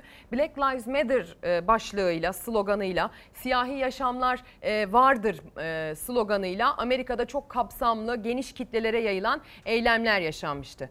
Benzer bir haber Almanya'dan geldi. Yine bir polis var. Yine birinin boğazına diziyle bastırıyor gözaltına almadan önce. Bu kez boğazına bastırılan kişi Türk. Almanya'da George Floyd vakası yaşandı. Polis bir Türk gencini diziyle boynuna bastırarak gözaltına aldı. İsrail ve Birleşik Arap Emirlikleri arasında normalleşme süreci kapsamında adımlar atılmaya devam ediyor. İsrail Başbakanı Netanyahu, Suudi hava sahası üzerinden Dubai'ye doğrudan uçuşlar gerçekleştirileceğini açıkladı. Hint Okyanusu'nda bir yük gemisinden bin ton petrol sızdı. İsrail ve Birleşik Arap Emirlikleri arasında ilişkilerin tamamen normalleştirilmesi için anlaşma imzalandı. Adımlarsa hızlı atılıyor. İsrail Başbakanı Benjamin Netanyahu, Suudi hava sahası üzerinden Dubai'ye doğrudan uçuşlar gerçekleştireceğiz dedi. Uçuşların iki taraf için de büyük yatırımlar anlamına geldiğinin altını çizdi. Netanyahu turizmin de büyük oranda hareketleneceğini vurguladı. Hint okyanusunda bulunan ada ülkesi Mauritius'ta yük gemisi karaya oturdu. Japonya'ya ait gemiden okyanusa şimdiye kadar bin ton petrol sızdı. Daha fazla petrol sızmasının engellendiği açıklandı ancak Mauritius'ta yetkililer bu olayın ülkenin başına gelmiş en kötü ekolojik felaket olarak açıkladı.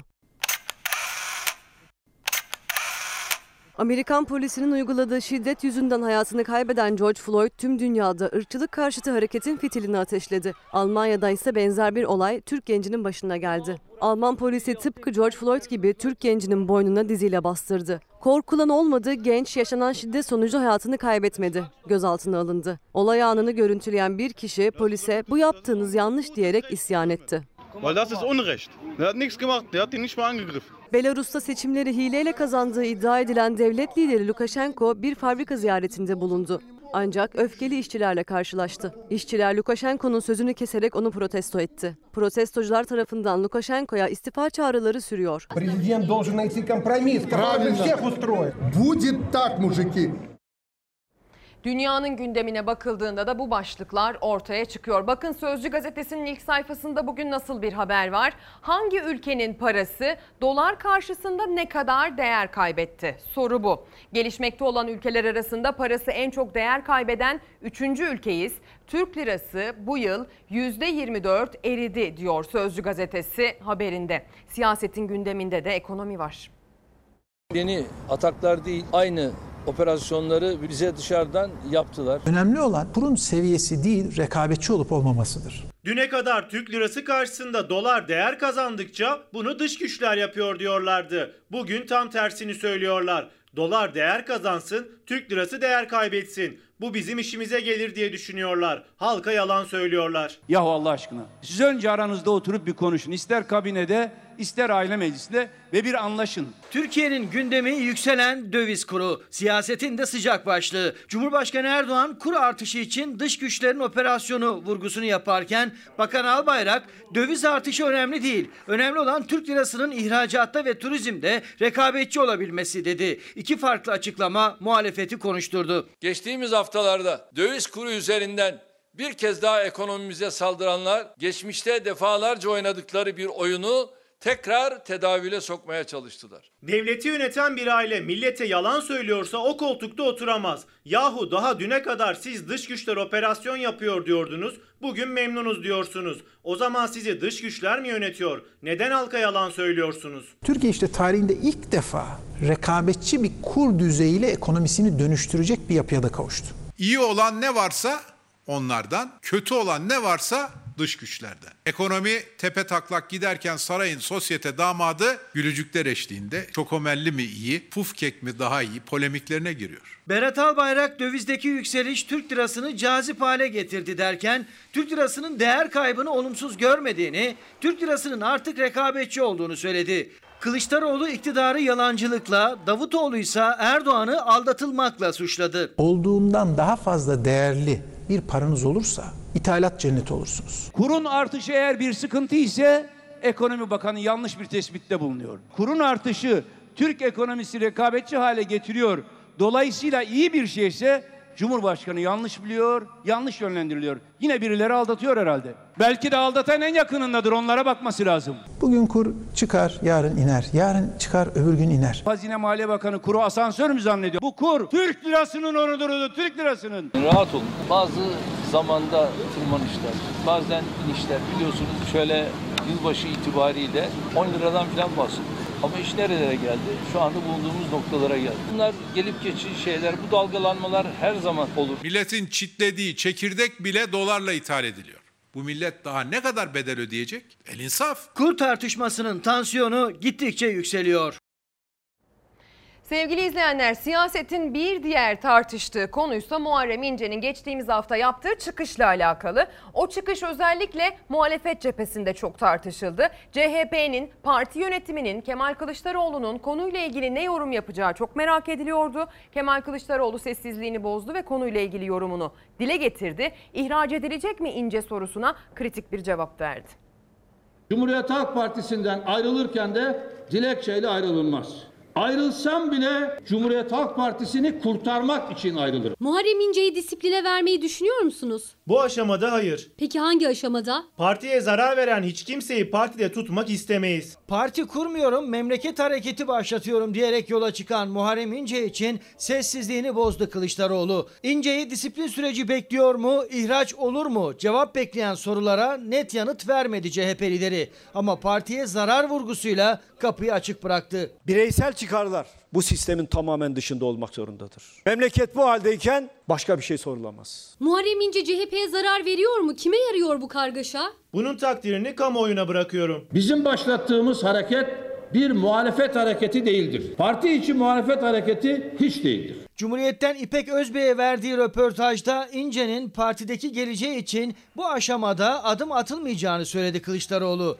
İnce ise bin günde memleket hareketini Sivas Kongresi'nin yıl dönümünde 4 Eylül'de başlatacak. Açıklamasında muhalefet olmadığının altını da kalın kalın çizmişti İnce. Genel Başkanımızın vermiş olduğu röportajda sözleri son derece açık. Benim bu sözleri yorumlamam, eğip bükmem gibi bir şey söz konusu dahi değil. Türkiye'nin sorunlarını ne tek adam iktidarı ne tek adam muhalefeti çözebilir. Ben parti içi eleştirilere, muhalefete demokrasi penceresinden bakıyorum. Pek çok partide lidere bağlılık korkuyla ilişkili oldu. Liderin bizzat kendisi eleştiriden hoşlanmadığı için CHP'de kökleştirmeye çalıştığım eleştirel bakış açısı yadırganıyor haliyle. Ama Türkiye tüm bunları aşacaktır. Muharrem İnce cephesi Kılıçdaroğlu'nun bu aşamada disipline gerek yok ama partiye zarar verirse diyerek çektiği çizgiye şimdilik sessiz. Önümüzdeki günlerde İnce'nin CHP içindeki geleceği nasıl şekillenecek zaman gösterecek. Sevgili izleyenler ilerleyen dakikalarda tarlaya ineceğiz. Nerede? Bursa'da, İzmir'de salçalık domates üreticisiyle birlikte tarlada olacağız. Tunceli'de tarlaya ineceğiz ama bu sefer iyilik için yapılan hasada göz atacağız. İzmir'de başkanlarla birlikte, İzmir Büyükşehir Belediyesi ile birlikte çöp toplayacağız. Deprem konusundaysa İstanbul Büyükşehir Belediye Başkanı Ekrem İmamoğlu'nun neler söylediğine göz atacağız. Toplanma alanlarımızın durumunu ele alacağız. Salda'da bir ceza durumu söz konusu ona bakacağız. Kocaeli'nde denizin altındaki kirliliği ele alacağız ve e, deprem simülasyonuyla bakanların ne hissettiğini, e, bizi yönetenlerin deprem simülasyonunu bir dakika boyunca maruz kaldıktan sonra neler yaşadıklarına bakacağız ve en önemlisi de Emine Bulut diyeceğiz ilerleyen dakikalarda. Çünkü ölmek istemiyorum demesinin üzerinden tam bir yıl geçti sevgili izleyenler. Ama öncesinde kısa bir ara. Tekrar hoş geldiniz ekran başına. Tekrar günaydın sevgili izleyenler. Günümüz aydın olsun. Sesimizin, görüntümüzün ulaştığı her yerde gün aydınlığı yaşansın. Uyuyanlar varsa televizyonun sesini açın. E, günahı benim olsun. Ben uyandırayım. Güne başlayalım. Gündemi kaçırmayalım. Geçtiğimiz yıl 18 Ağustos'ta yani tam bugün ölmek istemiyorum haykırışı yükseldi. Türkiye bu haykırışa adeta kilitlendi. Emine Bulut cinayetinden söz ediyorum. Kızının gözleri önünde öldürülen Emine Bulut'un bugün ölümünün birinci yıl dönümü. Posta konuyu manşetine taşımış, 400 kadın manşeti atmış. Benim Eminem'den sonra kaç kadın öldü sorusunun cevabı olarak. Emine Bulut sadece 38 yaşındaydı. 18 Ağustos e, 2019'da 6 yıl önce boşandığı eşi tarafından Fedai Varan'ın saldırısına uğradığında kızı Bilge ile lokantadaydı. Kanlar içinde lokantadan çıkartılırken ölmek istemiyorum diye inliyordu. Türkiye'yi yürekten yaralayan korkunç cinayette kızının anne lütfen ölme haykırışı da asla unutulmadı. Kadın cinayetlerinin sembol ismi haline gelen Emine Bulut'un ölüm yıl dönümü bugün. Babası Ahmet, annesi Fadime ve kızı Bilge mezarı başındaydı. Babası acı içinde Eminem'den son kaç kadın, sonra kaç kadın öldü diye sordu. Bu sorunun yanıtı çok üzücü. Sadece 2020'nin ilk 7 ayında 182 kadın öldürüldü. Son bir yıldaysa şiddete kurban verdiğimiz kadın sayısı 400 sevgili izleyenler. Dile kolay 400 kadın. Hadi gelin Emine Bulut'u mezarı başında analım. Emine Bulut hanımefendiyle ilgili olay yenilir yutulur bir olay değildir. Bu ciddi bir vahşettir. Türkiye'yi derinden sarsan cinayetli zihinlere kazındı o isim. Emine Bulut bir anneydi. Çocuğunun yanında çınladı son sesi. Ölmek istemiyorum dedi. Kızının gözleri önünde öldürülen Emine Bulut'un annesi Fadime Bulut ölümünün birinci yılında kızının mezarı başındaydı. Onun cezası daha yükselsin. Tek istediğimiz o. 18 Ağustos 2019'da Kırıkkale'de 10 yaşındaki kızıyla birlikte bir restorandaydı 38 yaşındaki Emine Bulut. Özel güvenlik görevlisi olarak çalışan eski eşi Fedai Baran o restorana geldi. Genç kadını bıçakladı. Aldığı bıçak darbeleriyle ağır yaralanan Emine Bulut ölmek istemiyorum diye haykırdı ambulansı beklerken ölmek istemiyordu. Çünkü kızı gözlerinin önünde o ölmesin diye çırpınıyordu. Ancak hayata tutunamadı. Kaldırıldığı hastanede yaşamını yitirdi. Tüm Türkiye kan donduran cinayetin görüntüleriyle sarsıldı. Emine Bulut'un davası tüm Türkiye'nin davası oldu. Kadın örgütlerinden, barolardan, toplumun her kesiminden tepkiler çığ gibi büyürken iddianamede jet hızıyla tamamlandı. Emine Bulut'un katili Fedai Baran'ın canavarca hisse tasarlayarak adam öldürme suçundan yani en üst suçtan cezalandırılmasını istedi savcılık. Baran hakim karşısına ikinci çıkışında müebbet hapis cezası aldı. Bir çantasını takındı gitti bir daha dönmedi. Başka kimse yaşamasın bizim yaşadıklarımızı. Kızının mezarı başında gözyaşı döken anne Fadime Bulut'un bu isteği ve her gün yaşanan bitmek bilmeyen kadına yönelik şiddet İstanbul Sözleşmesi'nin önemini bir kez daha hatırlattı. Emine Bulut için bir kez daha Allah'tan rahmet diliyoruz sevgili izleyenler. Mezarı başındaki acılı ailesine, kızına, annesine, babasına başsağlığı dileklerimizi iletiyoruz. Emine Bulut'tan sonra Türkiye'de 400 kadın daha öldü ve gelin görün ki buna rağmen biz İstanbul Sözleşmesi tartışması içindeyiz. Bununla ilgili hak savunucuları sadece son dönemde değil sürecin en başından beri e, İstanbul Sözleşmesi yaşatır diyorlar. Bunların da en başında Türkiye Kadın Dernekleri Federasyonu geliyor. İstanbul Sözleşmesi yaşatır diyor. Biz de bir kez daha bu olay vesilesiyle bu yıl dönümünde Emine Bulut'u kaybettiğimiz bugün de İstanbul Sözleşmesi yaşatır diyelim. Koronavirüs gündemine bakacağız. Cumhuriyet Gazetesi sağlık çalışanlarını bugün ilk sayfadan e, ele almış. Alkış kısa sürdü başlığı atılmış habere. Koronavirüs salgınında büyük özveri gösteren sağlık çalışanlarını yakasını şiddet virüsü de bıra- bırakmıyor. Salgının başlamasıyla birlikte sağlık çalışanlarına olan sevgi gösterileri kısa sürede bitti. Sağlıkta şiddet oranları 2020'nin ilk 6 ayında son 11 yılın en yüksek seviyesine ulaştı. Aile Hekimliği Çalışanları Sendikası Bilim Komisyonu Başkanı Profesör Doktor Akpınar, sağlıkçıların %94.3'ünün fiziksel ve psikolojik şiddet gördüğünü açıkladı diyor. Sıradaki haberimizde de bir sağlıkçı var. Bir hemşire koronavirüs kaptı. Biliyorsunuz sağlıkçılar en ön safta, en fedakar ve en yoğun mücadeleyi sergiliyorlar. Ancak e, sıradaki haberde izleyeceğimiz hemşire koronavirüs kaptı ve semptom olarak sadece koku, tat kaybetmedi. Görme duyusunu da kaybetti. Vücudumda bir şeyler yayılıyor gibi hissettim. Anneme o gün işte aynı odada oturuyorduk, maskem var. Ay Ben dedim yaklaşma galiba hasta oluyorum. Bunu hissettiğim üçüncü günü koku almamaya başladım. Ben görme duyumu da kısa süreli olarak kaybettim. Tat ve koku almada kayıplar yaşanabildiği biliniyordu ama ilk kez görme kaybı da yaşandı. Görev başında tanıştığı koronavirüsle mücadele eden 25 yaşındaki Kübra hemşirenin gözleri bir hafta boyunca hiçbir şey görmedi. Gönüllü olarak ben ve kendi servisimdeki ekip kalp damar cerrahi ekibiyiz biz normalde. Covid servisinde çalışmaya başladık. İstanbul'da özel bir hastanenin kalp damar cerrahisi bölümünde görevliydi Kübra Aslan Kılıç. Salgın başlayınca ekibiyle birlikte koronavirüs servisinde çalışmak için gönüllü oldular. Ancak hastaları iyileştirebilmek için canla başla çalışırken virüse yakalandılar. Zorlu tedavi başladı. Sürekli ateşim var gibi hissediyorum. Ateşimi ölçüyoruz, ateşim yok. Vücut içerisinde yaygın sıcaklık hissediyorsunuz. İkinci gün bir uyku hali oldu. Tedavinin üçüncü günde zaten kötüleşmeye başladım. Yani bulanık görmeye başladım. Sürekli uyku hali, bulantım oldu, karın ağrılarım oldu, baş dönmem oldu. Önce koku alamıyordu Kübra hemşire. Sonra gözleri görmemeye başladı. Ben sabah uyandığımda herkesi sadece silüet olarak görüyordum. Siyah, beyaz bir ekran ve herkes siyah gölge şeklinde. Bu belirtiyi aslında rastlamadık. Biz kullandığımız ilacın yan etkisi olabilir diye düşünmüştük o zaman da. O ilacı kesip ikinci basamak tedaviye geçtik. Ama daha sonra birkaç hastalığa daha rastladık. Tedavisini üstlendiği hastalarda görmediği bu belirti nedeniyle korkusu katlandı Kübra Aslan Kılıç'ın. Neyse ki virüsle mücadelede kazanan taraf oldu. Ancak yaşadığı tüm acıların ardından virüsün ciddiyetini hala anlamayanlar olduğunu gördükçe o günleri yeniden yaşıyor. Ve bütün koruyucu ekipmanlarımla çalışırken bu hastalığa yakalandım. Bana bir şey olmaz demek yerine kendilerini korumaları lazım. Kimse maske takmıyor, maskesi çenesinde geziyor, çıkarıyor maskeyi cebine koyuyor, tekrar takıyor. Görevinin başına dönen genç hemşireye göre virüsten korunmanın formülü de çok zor değil. Herkese karşısındaki hasta gibi yaklaşacak. Karşınızdaki pozitifmiş gibi sosyal mesafeyi koruyacak, maskesini takacak.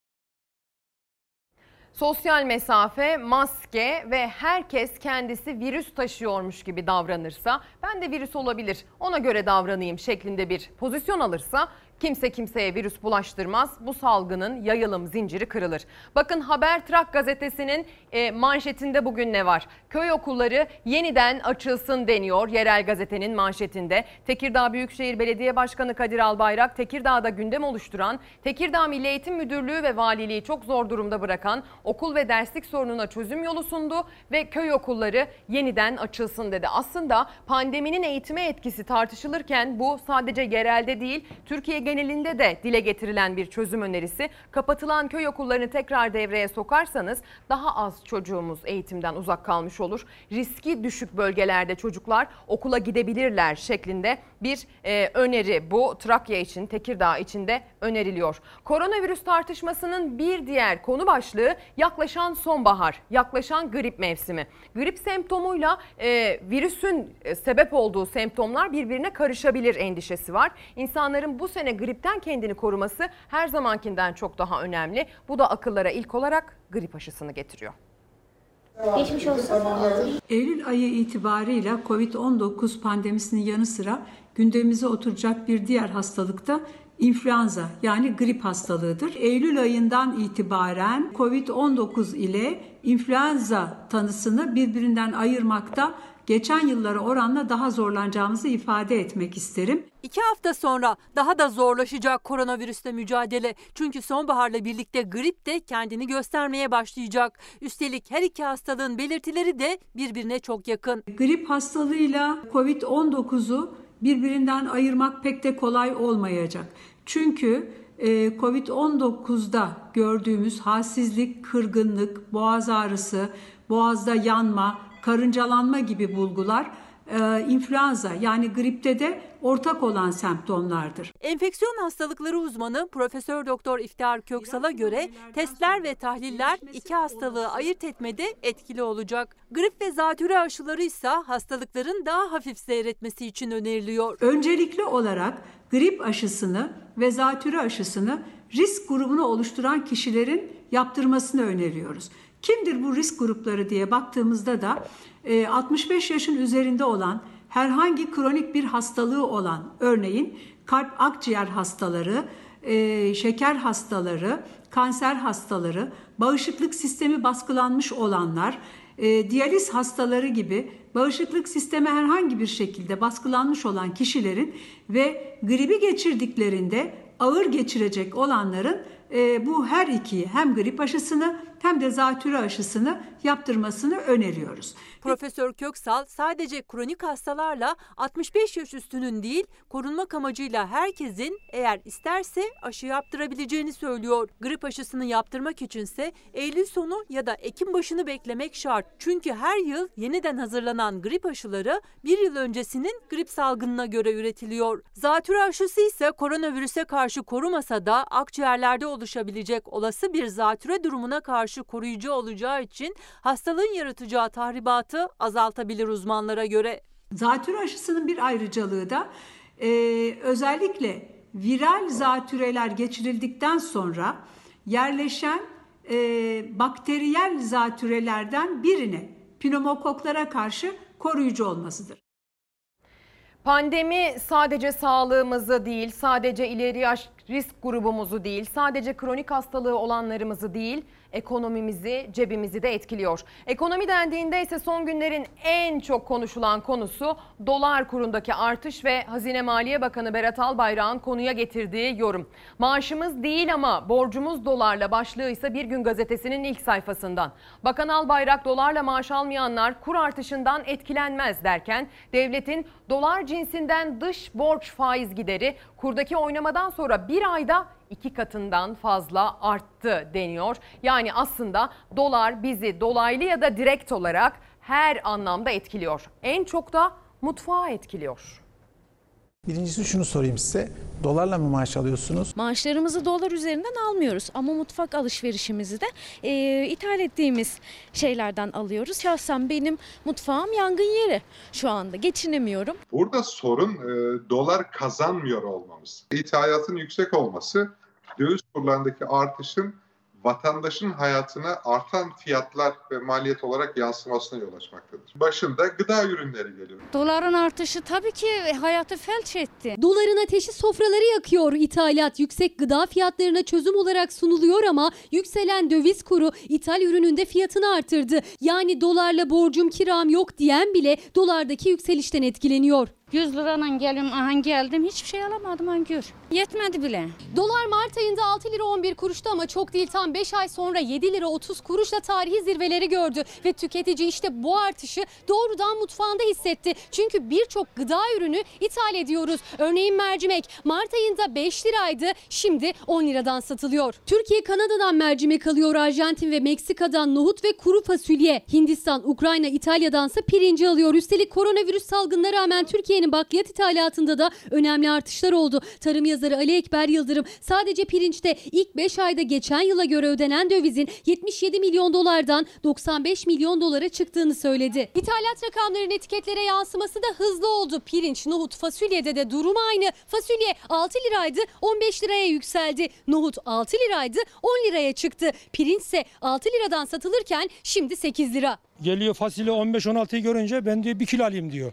Burada 3 kilo 5 kilo alan insanlar 1 kilo alıyor yarım kilo ya da kızıp gidiyor almadan gidiyor. Yani oturduğumuz yerden konuşmakla o iş olmaz. Biraz sahaya ineceğiz, bir markete gideceğiz. Neyin fiyatı ne kadar bir göreceğiz. TÜİK'in verilerine göre Türkiye 10.156 farklı çeşitte ürünü ithal ederek kullandığımızı biliyoruz. Kahve çay ithal eden bir ülkeyiz. Alım gücümüz bakın alım gücümüz yok. Ne kadar verdiniz bu üzüme? 8 lira. Hayatı idam ettirmek o kadar zor ki. Emeklinin de asgari ücretlinin de geliri altın ve döviz karşısında eridi. Yılbaşından bu yana dolardaki artışla asgari ücretlinin eline geçen maaşı %15 değer kaybetti. Hal böyle olunca eve giren maaşla aydan aya daha az ürün alınabiliyor. Bugün kur çıkar, yarın iner. Yarın çıkar, öbür gün iner. Arada bir geri geliyor olması bunun kalıcı olarak düştüğü anlamına gelmiyor. Maalesef kurlar artmaya devam ediyor. Meydanları görüyorsunuz bak.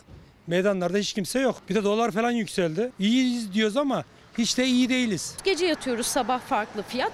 Ee, yani faturaları ödeyeceğiz. Hangi zamma neye göre ödeyeceğimizi de bilmiyoruz. Dövizdeki artış yalnızca gıdada değil, fiyatı dolarla belirlenen doğalgaz ve elektrik fiyatlarında da kendini hissettirecek diye uyarıyor uzmanlar.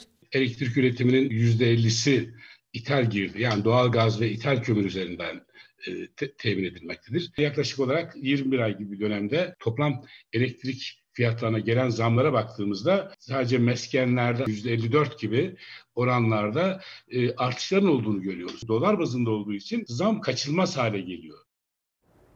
Vatandaşın gündeminde ekonomi var. Vatandaşın gündeminde mutfağında yaşadığı yangın var sevgili izleyenler. Vatandaş çünkü ya hak ettiği ölçüde kazanamıyor ya da çalışamıyor ki kazansın. Üç gençten biri işsiz manşeti bugün Korkusuz gazetesinde. Milyonlarca genç ümitsiz, çaresiz, parasız diyor Korkusuz'un editörleri. TÜİK verilerine göre her dört gençten biri işsiz ama genç işsizlikte durum daha vahim. E, GYİAD Başkanı Pamukçu Hesaplamalar her üç gençten birinin işsiz olduğunu gösteriyor dedi diyor. Korkusuz gazetesinde bir diğer detaysa üreticiyle alakalı ki biz de bu konuyu aslında ele almak niyetindeyiz. Diyor ki domates 30 kuruş ama alan yok. Manisa'da tonlarca domates elde kaldı. Bir yıllık emek heba oldu diyen üreticiler mahsullerini hayvanlara yem etti. Türkiye'nin en önemli salçalık domates merkezi Manisa'da üretici dertli. Pandemi yetmiyormuş gibi mahsul öncesi 55 kuruş fiyat veren fabrikalar sözünü tutmadı deniyor. Aslında durum sadece Manisa'da değil sevgili izleyenler. Bursa Karacabey'de de benzer bir durum yaşanıyor. Tire İzmir Tire'de de benzer bir durum yaşanıyor. Firmalarla anlaşma yaparak masaya oturarak üretime başlayan üretici sonrasında umduğunu bulamadığı için dertli. Kamyonu sarıyoruz, gönderiyoruz. Fabrikalar rate veriyor. Diyorlar ki aynı malı serbest piyasada satarsanız alırız diyorlar. Aynı malı e, ucuza verdiğimizde, serbest piyasaya verdiğimizde alıyorlar. Ürünlerini fabrikalara kilosu 50 kuruşa vermek üzere anlaştılar. Serbest piyasada ise fiyatlar düştü. Salçalık domates üreticileri anlaştıkları fabrikaların ürünlerini geri çevirdiğini, bunu da sırf fiyatı düşürmek için yaptıklarını iddia etti. Tire'de 300'den fazla üretici yaşadıkları krize isyan etti. İzmir Tire'de salçalık domates üreticisinin başı fabrikalarla dertte. Hava şartlarından dolayı üretimde verimin büyük oranda düştüğünü ifade eden üretici bir de fabrikalar tarafından reddediliyor. Fabrikaların serbest piyasada düşen yani 35 kuruş olan fiyattan ürünleri almak istediğini söylüyorlar. İddialara göre sözleşme kapsamında çeşitli sebeplerle geri çevrilen domatesler sözleşme dışı 35 kuruştan aynı fabrikalar tarafından kabul ediliyor. Fiyatlar düşmeye başlayınca red veriyorlar. Kamyonu geri gönderiyorlar. Biz de kamyonu hayvancılara veya buraya boş bir alana döküyoruz yani. Bu 15 kuruş için bizim malımızı zordan alıyorlar. Tire Ziraat Odası Başkanı Halil İbişoğlu fabrikaların böyle yapmaya devam etmesi halinde üretimin duracağını dikkat çekti. Sanayici yakında fabrikada işleyecek domates bulamayacak dedi. Bu şartlarda önümüzdeki yıl bu çiftçi bu domatesi ekmez. Buradan yalnız çiftçi zarar görmez. Eğer ekilmediği zaman e, önümüzdeki sene sanayici fabrikada işleyecek domates bulamaz. Yani onun için fabrikacı burada biraz ayağını denk alması lazım. Türkiye Ziraat Odaları Birliği Genel Başkanı Şemsi Bayraktar bazı salça fabrikalarının üreticinin zararına göz yumduğunu dile getirdi. Sözleşmelere uyumun ziraat odaları tarafından denetlenmesi gerektiğini vurguladı. Şimdi ise gündemimize deprem konusunu alıyoruz. Hem de etraflıca bakacağız. Birkaç konu başlığı halinde e, size aktaracağız. Ne dedik başlık olarak bugün karşınıza çıkarken? Kaybedecek zamanımız yok dedik. Kaybedecek zamanımız yok. Sorumluluk vatandaşın başlığını manşetini Karar Gazetesi atmış. Devlet teşviğiyle tatil beldelerine akın edilmesi Covid eğrisini tırmandırınca vatandaş duyarlı olmaya çağrıldı. Marmara depreminin üzerinden 21 yıl geçmesine rağmen kentsel dönüşümde bir mesafe kat edilmedi. Toplanma alanları AVM oldu. Acil geçiş yollarına otopark yapıldı. Yine vatandaşın sorumluluk gösterip depreme karşı tedbirli olması istendi. Devletin göstermesi gereken sorumluluk ve duyarlılıksa ortada kaldı yorumuyla bugün bu başlığın altını e, şekillendirmiş Karar Gazetesi. Devletin yönetenleri, bakanlar, İstanbul Valisi, Murat Kurum, e, Süleyman Soylu, Vali, AFAD Başkanı deprem simülasyonuna girdiler. Bir dakika boyunca 7,2 büyüklüğündeki depremle sarsıldılar. Bakın sonra neler söylediler.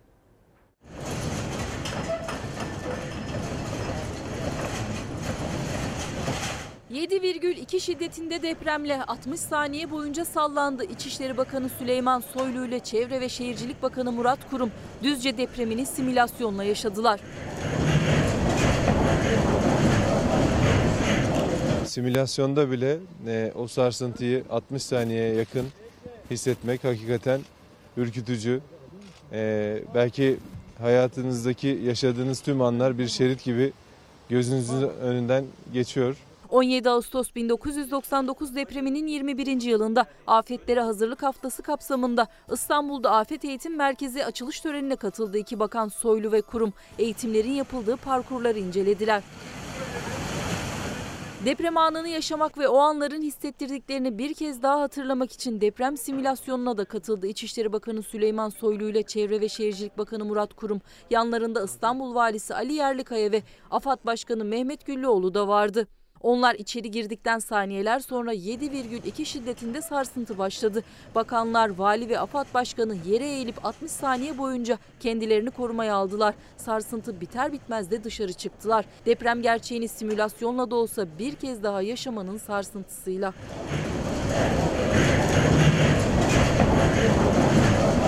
Bir tek şey hissettim. Deprem anında ne yapmamız lazım geldi. Yani çöküp kapanmamız ve sağlam bir yere tutunmamız konusundaki o ilk tavsiyelerin gerçekleştiği an aklıma geldi. Çök, kapan, tutun. Tam olarak bakanlar, AFAD Başkanı e, ve oradaki kişiler bunu yapmaya gayret etmişler. Çökmüşler, kapanmışlar. En hassas bölgeyi kafayı elleriyle koruma altına almışlar ve tutunmuşlar. Ama simülasyonun olduğu yer bir hani oturma odası gibi canlandırılmış ama aslında şöyle bir durum var. Orası muhtemelen deprem için hazırlıklı hale getirilmiş bir yer. Mesela ortadaki masa muhtemelen sabit. Koltuklar, duvara dayalı olan kitaplık, birinin üzerine düşme riski olmasın diye duvara sabit. Bunlar zaten tavsiye edilen ve yapılması gerekenler. Dolayısıyla aslında risksiz bir alan olduğunu söylüyoruz. Bir de sadece çök kapan tutun yapmıyoruz deprem anında. Tavsiye edilen sadece bu değil. Eğer mümkünse koşullarınız uygunsa bir de dışarı çıkıp kendinizi boş bir alana atma ihtiyacı içinde oluyorsunuz psikolojik olarak da. Ama işte İstanbul gibi çok sıkışık, çok kalabalık, binası çok, betonu fazla, bitki örtüsü adeta beton haline gelmiş şehirlerde nereye kaçacaksınız, nereye saklanacaksınız?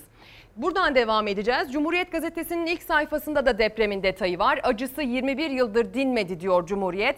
Biri 17, diğeri 14 yaşında iki evladını yitirdi. Deprem değil, küçük kıyameti yaşadığını söyledi diyor. Ve bir ailenin, bir annenin o depremde evlat acısı yaşamasını ilk sayfasına taşımış Cumhuriyet Gazetesi. Acılar hala taze ama hazırlıklar hala tamam değil. Çıkar? Tamam. Yasak. Bizim orası deprem toplanma alanımız. 99'da da orada topladık. Bizim gidecek bir yeşil alanımız yok. Oturanların sağlığını, geleceğini çocukların düşünmeden tamamen rant için bütün boş alanlar dolduruluyor İstanbul'un her yerinde olduğu gibi. 17 Ağustos depreminde geceyi bu alanda geçirdiler. Aradan geçen 21 yılda toplanma alanlarına yenilerinin eklenmesi gerekirken mahallelerindeki tek yeşil alandan da oldular. Marmara depreminin yıl dönümünde olası bir afette toplanacakları arazinin yok oluşuna hep birlikte ses yükselttiler. Orası bizim toplanma alanımız. Büyük şehrin bize gösterdiği planını gördük.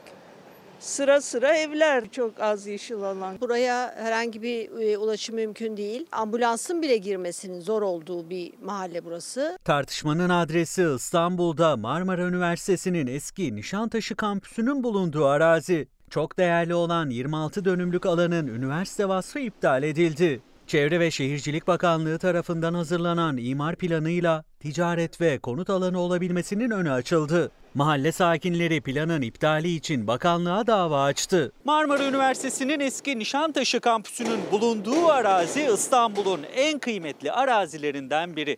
Mahalleli tepkili çünkü bir deprem anında kaçacakları toplanma alanının da bu projeyle yok olacağını söylüyorlar. Hem dava açtılar hem de bu şekilde el ilanları hazırlayarak eylem kararı aldılar. Ses duyurulacak tabii. Bu tür şeyleri insanların itiraz etmesi lazım tabii tepeden inme kararlara. Yenilerinin yapılabilmesi için eski binalar yıkılıyor. Projeyi üstlenen firma ise burası artık özel mülkiyet dedi. Deprem toplanma alanı yok ediliyor iddiası var. Ne dersiniz firma olarak? Burası konut alanı. 2017'den beri imar planı yapılmış bir alan. Bir deprem toplanma alanı. Resmi olarak böyle bir alan söz konusu değil. Kuş bakışı bakıldığı zaman mezarlıkların haricinde hiçbir yeşil alan, boş alan kalmadı. Bugün geldiğimiz nokta 496 deprem toplanma alanından 77 adedinin kaldığını biliyoruz. Sadece bu arazi değil, İstanbul'da birçok deprem toplanma alanının yıllar içinde yok olduğunu rakamlarla anlattı. İnşaat Mühendisleri Odası İstanbul Şube Başkanı Nusret Suna harita üzerinden örnekler verdi. AFAD'ın hazırlamış olduğu bir harita. Ben bu haritayı 2015 senesinde AFAD'ın sisteminden indirdim ama şimdi bunu göremiyoruz. Diyor ki şu binaların olduğu yerler zamanında toplanma yeri idi. Buradan ben okuyorum bakın. Çağlayan Adliyesi'nin olduğu yer deprem barınma alanıymış. AFAD'a göre ise İstanbul'da 3000'e yakın toplanma alanı var. Ancak Nusret Suna olası bir depremde o alanların barınma için kullanılamayacağı görüşünde. Şimdi bizim önümüze konan 2850 adet toplanma alanı ayakta duracağımız yerlerdir. Barınacağımız yerler maalesef natamam hazır değil. Toplanma alanları açısından bakıldığında hazır değiliz. Peki ya son dönemde çokça konuşulan Kanal İstanbul meselesi? Deprem ihtimali göz, göz önüne alındığında Kanal İstanbul'a bilim insanları ve siyasetten muhalif isimler yüksek perdeden karşı çıkıyor. Milli Gazete ilk sayfasından vermiş Kanal İstanbul akılla izah edilmiyor başlığıyla haberi. Saadet Partisi Genel Başkan Yardımcısı Mahmut Arıkan düzenlediği basın toplantısıyla partisinin afet ve risklere karşı yapılması gerekenlerle ilgili görüşlerini kamuoyu, kamuoyuna açıkladı ve dedi ki akılla izah edilebilir bir proje değil. Sadece Saadet Partisi'nin değil İstanbul Büyükşehir Belediye Başkanı Ekrem İmamoğlu'nun da gündeminde 17 Ağustos'ta Kanal İstanbul vardı. Bakın neler söyledi. 99 Marmara depremi aslında hepimize çok önemli dersler verdi. Ama yeterince ders çıkardığımız söylenemez. Çok net ifade ediyorum. Ben Kanal İstanbul diye bir safsatanın artık İstanbul'un gündeminden kalkmasını istiyorum. Böyle bir gündemi yok bu şehrin. Böyle bir gündemi yok. Bu şehrin gündemi bu şehrin insanının can sağlığını sağlamak.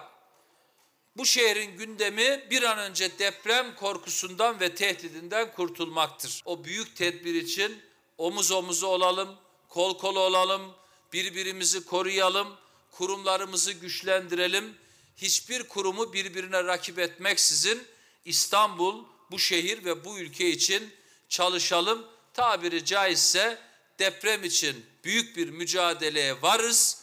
Kul köle oluruz, emre amade oluruz ama Kanal İstanbul içinde karşınızda dimdik dururuz onu ifade edelim. Gençlerimiz bu konuyla ilgili yüksek hassasiyete sahip. Gerek çevre temizliği konusunda gerekse e, üzerimize adım adım yaklaşan deprem tehdidi konusunda. Kocaeli Üniversitesi Sualtı Topluluğu'nun gençleri Kocaeli'nin Rotary Kulübü ile bir araya geldi. Bir anı dalışı gerçekleştirdiler 17 Ağustos'ta. Ve nerede gerçekleştirdiler biliyor musunuz? Tam olarak Kocaeli Gölcük Değirmendere'de bu dalışı gerçekleştirdiler. Yani 99 depreminde su altında kalan büyük kayıpların verildiği o noktaya bir dalış gerçekleştirdiler. Deprem şehitlerini andılar ve dalmışken bölgenin çevresel olarak yaşadığı kirliliğe de dikkat çektiler. 21 yıl önce 17 Ağustos depreminde hayatını kaybedenler için bir araya geldiler. Kocaeli Üniversitesi Sualtı Topluluğu ve Gölcük Rotary Kulübü Değirmendere'de anı dalışı gerçekleştirdi. Hem depremde hayatını kaybedenleri anmak için hem de çevre sorunlarına dikkat çekmek için iki kulüp bir araya geldi. Hazır gıda ambalajları, plastik şişeler, tenekeler. Dalgıçlar denize atılan çöpleri tek tek topladı. Kimi 300, belki 500 yıl yok olmayacak bir sürü atıkla karşılaştılar. Deniz canlılarının hayatlarını riske atan, çevreyi zehirleyen ne varsa su altındaydı. Hem e, depremde hayatını kaybedenlerin e, anısına hem de temiz deniz e, için bir etkinlik esasında bu. Dalgıçlar deprem şehitlerinin anısına dalış yaptı. Torbalar dolusu atıklarla çıktılar denizden. Topladıkları çöpleri boşalttıklarında insanoğlunun kendi elleriyle doğaya verdiği zarar bir kez daha gözler önüne serildi. İki kulübün üyeleri çevre sorununa dikkat çekmek için ileride birlikte çalışmaya devam edeceklerini açıkladı. Sahip olduğumuz çevresel değerler kıymetli, onlar çok çok önemli. Dolayısıyla bunları korumak için elimizden geleni hatta fazlasını yapmak zorundayız. Gençlerimizi alkışlıyoruz, duyarlılıkları umut veriyor. Turpun büyüğü heybenin içinde manşeti bugün Bir Gün gazetesinde atıldı. Gazete manşetine bir çevre konusunu taşıdı. Geçtiğimiz günlerde de ele almıştı konuyu.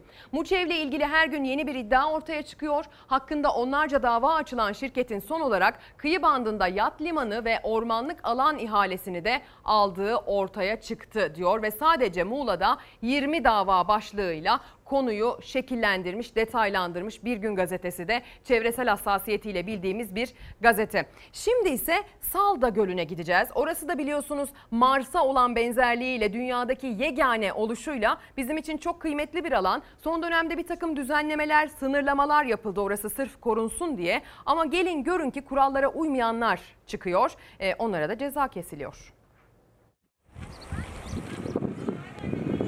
Jandarma Salda Gölü'nde denetimi arttırdı. Yasak olan çamur çukurlarına girenlere ceza kesildi. Yüzlerce yıldır koruduğu güzelliği aylardır tartışmalara konu olan Salda, Cumhurbaşkanı Recep Tayyip Erdoğan'ın imzasıyla geçen yıl özel çevre koruma bölgesi ilan edilmişti. Yapılması planlanan tesis hazırlıkları gündeme gelmiş. Tartışmalar büyümüştü. Geçtiğimiz bayramda da ziyaretçi akınına uğrayan Salda Gölü'nde şifalı olduğuna inanılan büyük çamur çukurları açılmıştı. Oysa bu çukurlara girmek yasaktı. Çukurların çevresi şeritlerle çevrildi. Ancak yasağa uyan kadar uymayanlar da vardı. Yiyecek, içecek, sigara içmek hepsi yasak. Bölgede denetimlerini artıran jandarma kil banyosu yapan yerli ve yabancı turistleri uyarıp bölgeden uzaklaştırdı. Göl sahasından kil alan sahilin derinleşmesine neden olan sigara içen ve genel çevre kurallarına uymayanlara 392 lira idari para cezası uygulanıyor. Göl kenarındaki beyaz kumsalda şezlong, sandalye, şemsiye ve çadır kuranlarla yiyecek içecek tüketenlere de denetimler kapsamında idari para cezası kesiliyor. Salda'dan İzmir'e doğru gidiyoruz. Belediye başkanlarıyla birlikte çöp toplayacağız. Çevre temizliğine katkı sağlayacağız.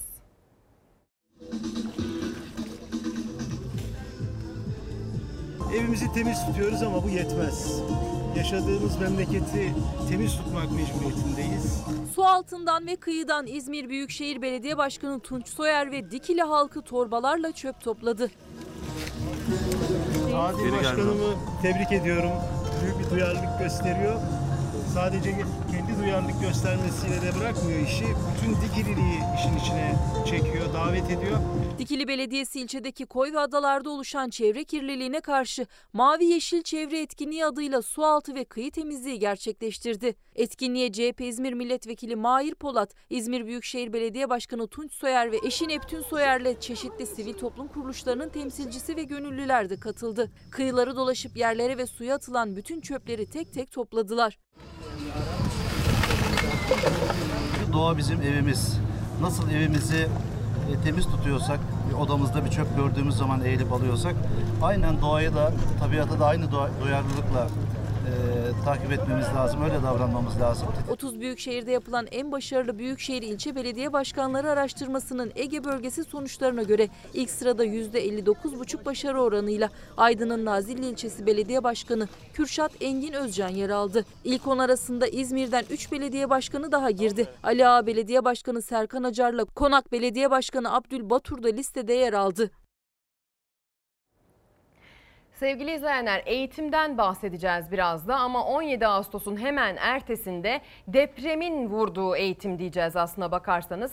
Çünkü e, geçtiğimiz dönemde İstanbul'da yaşanan Silivri merkez üslü 5,8 büyüklüğündeki depremde hasar alan okullar oldu biliyorsunuz. Peyderpey o okulları teker teker haber bültenlerimize taşıdık. Ancak bir de pandemi sıkıştırınca depremin hasar verdiği okulların bir an önce e, tadilata girip tamir edilip kullanılabilir hale getirilmesi verilmesi daha da önem kazandı. Silivri'deki deprem sonrası birçok okulda hasar tespit çalışması yapıldı. Bu sene falan yapılacak dediler. Geçen sene deprem olduğunda hemen yapacağız bir ay sonra dediler. İşte bir yıl sonra dediler. Hiçbir çivi bile çakılmamış. 5,8'lik Silivri depreminde hasar gören okullardan sadece biri bu. Okul hemen yenilenecek denildi. Öğrenciler uzaktan eğitime kadar başka okullara yönlendirildi. Aradan geçen 11 ayda ise tek bir çivi çakılmadı okula. Eğitim sene göre güçlendirme ihalesi bile henüz yapılmadı. Hasar e, raporunun çıkmasına ve okulun taşınmasına rağmen bir yıldır herhangi bir ihale de yapılmamış olmakla beraber önümüzdeki Eylül ayında ihalenin yapılacağı ve ondan sonra e, tadilat sürecinin başlayacağına yönelik bir e, bilgi var bizde. Eylül 2019'da 5,8 büyüklüğündeki depremle sarsıldı İstanbul. Birçok okul sarsıntının etkisiyle hasar aldı. Onlardan biri de Sultan Gazi'deki İstiklal İlkokulu. Depremden hemen sonra boşaltıldı. Öğrenciler evlerinden uzak başka okullarda eğitim görmeye başladı. Biraz kendim götürüp getirdim ama ondan sonra baktık olmuyor, kış geliyor. Deniz neyle götürüp getirdin? Yürüyerek götürüp getirdim, arabam yok. Ne kadar mesafede? 8 evlerde. Bayağı var. Yani yürüyerek şimdi gelsem yarım saate gidip geliyorum ben. Yarım saat. Yarım saate gidiyorum ben. Yani. Kışın ne oluyor? So zor olduğu için mecbur servise verdik. Boğazımızdan kestik servise verdik. Hoca aradı dedi çocuklara üst getirin çocuklar sırılsıklam. Rezillikti yağmur yaş artık bir gün beni ağladım. Bu çocuğun elinden tuttum.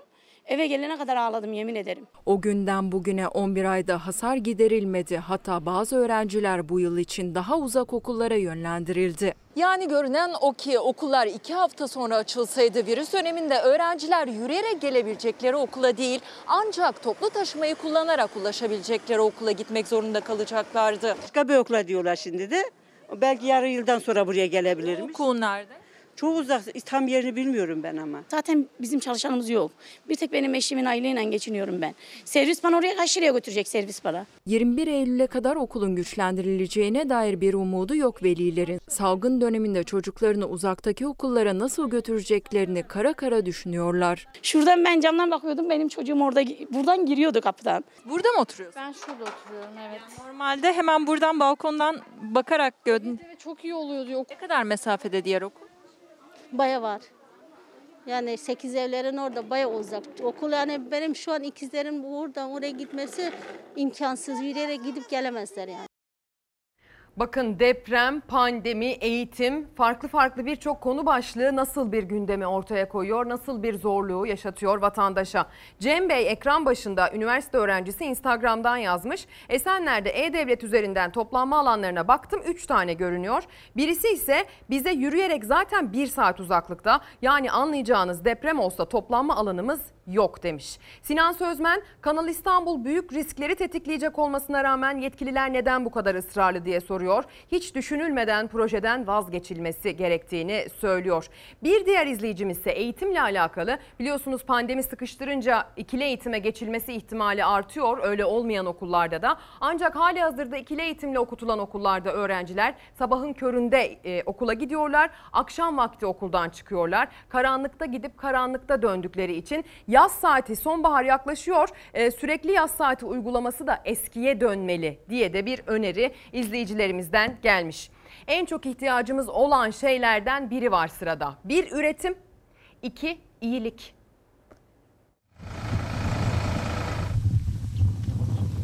Tunceli'de örnek bir iyilik hareketine imza atıldı. Kendilerini Uğur Böceği gönüllüleri olarak adlandıran gençler 20 dönümlük araziye meyve ve sebze ekti. Kapı kapı gezerek elde ettikleri mahsulleri ihtiyaç sahiplerine dağıttılar. Tunceli'de yaşayan kamu görevlisi Seda Can Polat, işten arta kalan vakitlerinde traktöre atladı, meyve ve sebze ektiği tarlaya gitti. Arkadaşlarıyla beraber elleriyle yetişen mahsulleri tek tek topladılar. Can Polat yaptığı yardım hareketini Uğur Böceği Dayanışma ismiyle açtığı sosyal medya hesabından duyurdu. Gönüllü sayısı kısa sürede arttı. Daha önce de birçok yardım kampanyası başlatan Can Polat, Uğur Böceği hareketini anlattı. Kasım ayından beri bu tarz faaliyetler gösteriyoruz. Yaz ayına girince ne yapalım dedik. Ee, böyle bir yerimiz vardı. Bostan ekip değerlendirmek istedik. Ee, buranın gelirini çocuklara e, hediyeler ve ailelere erzak kolileri olarak bağışladık. İhtiyaç sahipleri gelip buradan kendi sebzelerini de götürebiliyor. Ee, biz birçok aileye buradaki topladığımız sebzeleri götürüp dağıtıyoruz. Bundan iki gün önce e, iki tane köyün tamamına sebze dağıtımı gerçekleştirdik. Seda Can Polat, Tunceli esnafına da duyuru yaptı. Ürünleri kendisinden almalarını istedi. Böylece elde edilen gelir de ihtiyaç sahibi çocuklara ulaştırıldı. Ben kendim aynı zamanda yerel esnafı geziyorum. Onlardan sipariş alıyorum. Sebzelerini benden almalarını istiyorum. Ee, Tunceli esnafına sebzeyi dağıtıyoruz. Ee, oradan elde ettiğimiz gelirle de direkt zaten çocuklara ve ailelere ulaşıyoruz. Amacım insanlara yardım aşılamak diyen Can Polat, sosyal medyanın da gücüyle şehir dışından bile yardım için gönüllülerin başvurduğunu ifade ediyor. İhtiyacımız var gerçekten hem üretime ihtiyacımız var hem de böyle bulaşan birbirine bulaştıkça büyüyen ve çoğalan iyilik hareketlerine ihtiyacımız var. Gerçekten örnek bir projeyle karşımıza çıkmış bu insanlar yaşasın Uğur Böcekleri diyelim biz de. Ee, toplum sağlığı için Açık Öğretim Fakültesi öğrencilerinin sınavlarının online olmasını isteyen öğrenciler sabahın erken saatlerinden bu yana bizimle birlikteler. Yüzlerce binlerce mesaj gönderdiler. Pek çok üniversitede, ilkokulda, orta öğretimde sınavlar uzaktan yapıldı. Neden biz yüz yüze sınava giriyoruz, niye riske atılıyoruz diye soruyorlar. Ee, pek çok mesaj var Instagram ve Twitter üzerinden. Hakkını vermek, hepsine göz atmak isterim. Bunun için sizden bir ara rica edeceğim. Sonrasında da bir son söz için karşınızda olacağım. Dış siyasetten iç gündeme dünyanın tüm getirdiği gündem maddelerini değerlendirdik birlikte. Doğu Akdeniz meselesine geniş bir yer ayırdık. Emine Bulut'un mezarı başında onun için hep beraber bir Fatiha okuduk. Onu andık ölüm yıl dönümünde sevgili izleyenler. Üreticiyle ilgili bolca haberimiz vardı. Deprem gerçeğini bugün de unutmadık. Yine ele aldık konuklarımız ve haberlerimizle beraber. E, ve dolu bir gündemi, dolu bir çalar saati geride bıraktık. Ekip arkadaşlarımla birlikte geceden sabaha güncellediğimiz haberlerimizle karşınızdaydık. Fox Haber'in kıymetli ekibinin de isimlerini yanda aktı gördünüz. Doğan Şentürk yönetimindeki Fox Haber bugün akşam saat 19'daki ana haber için de yine çalışacak. Hazırlıklarını size sergileyecek. Biz ise yarın sabah saatler 8'i gösterdiğinde tekrar burada olacağız. O zamana kadar hoşçakalın.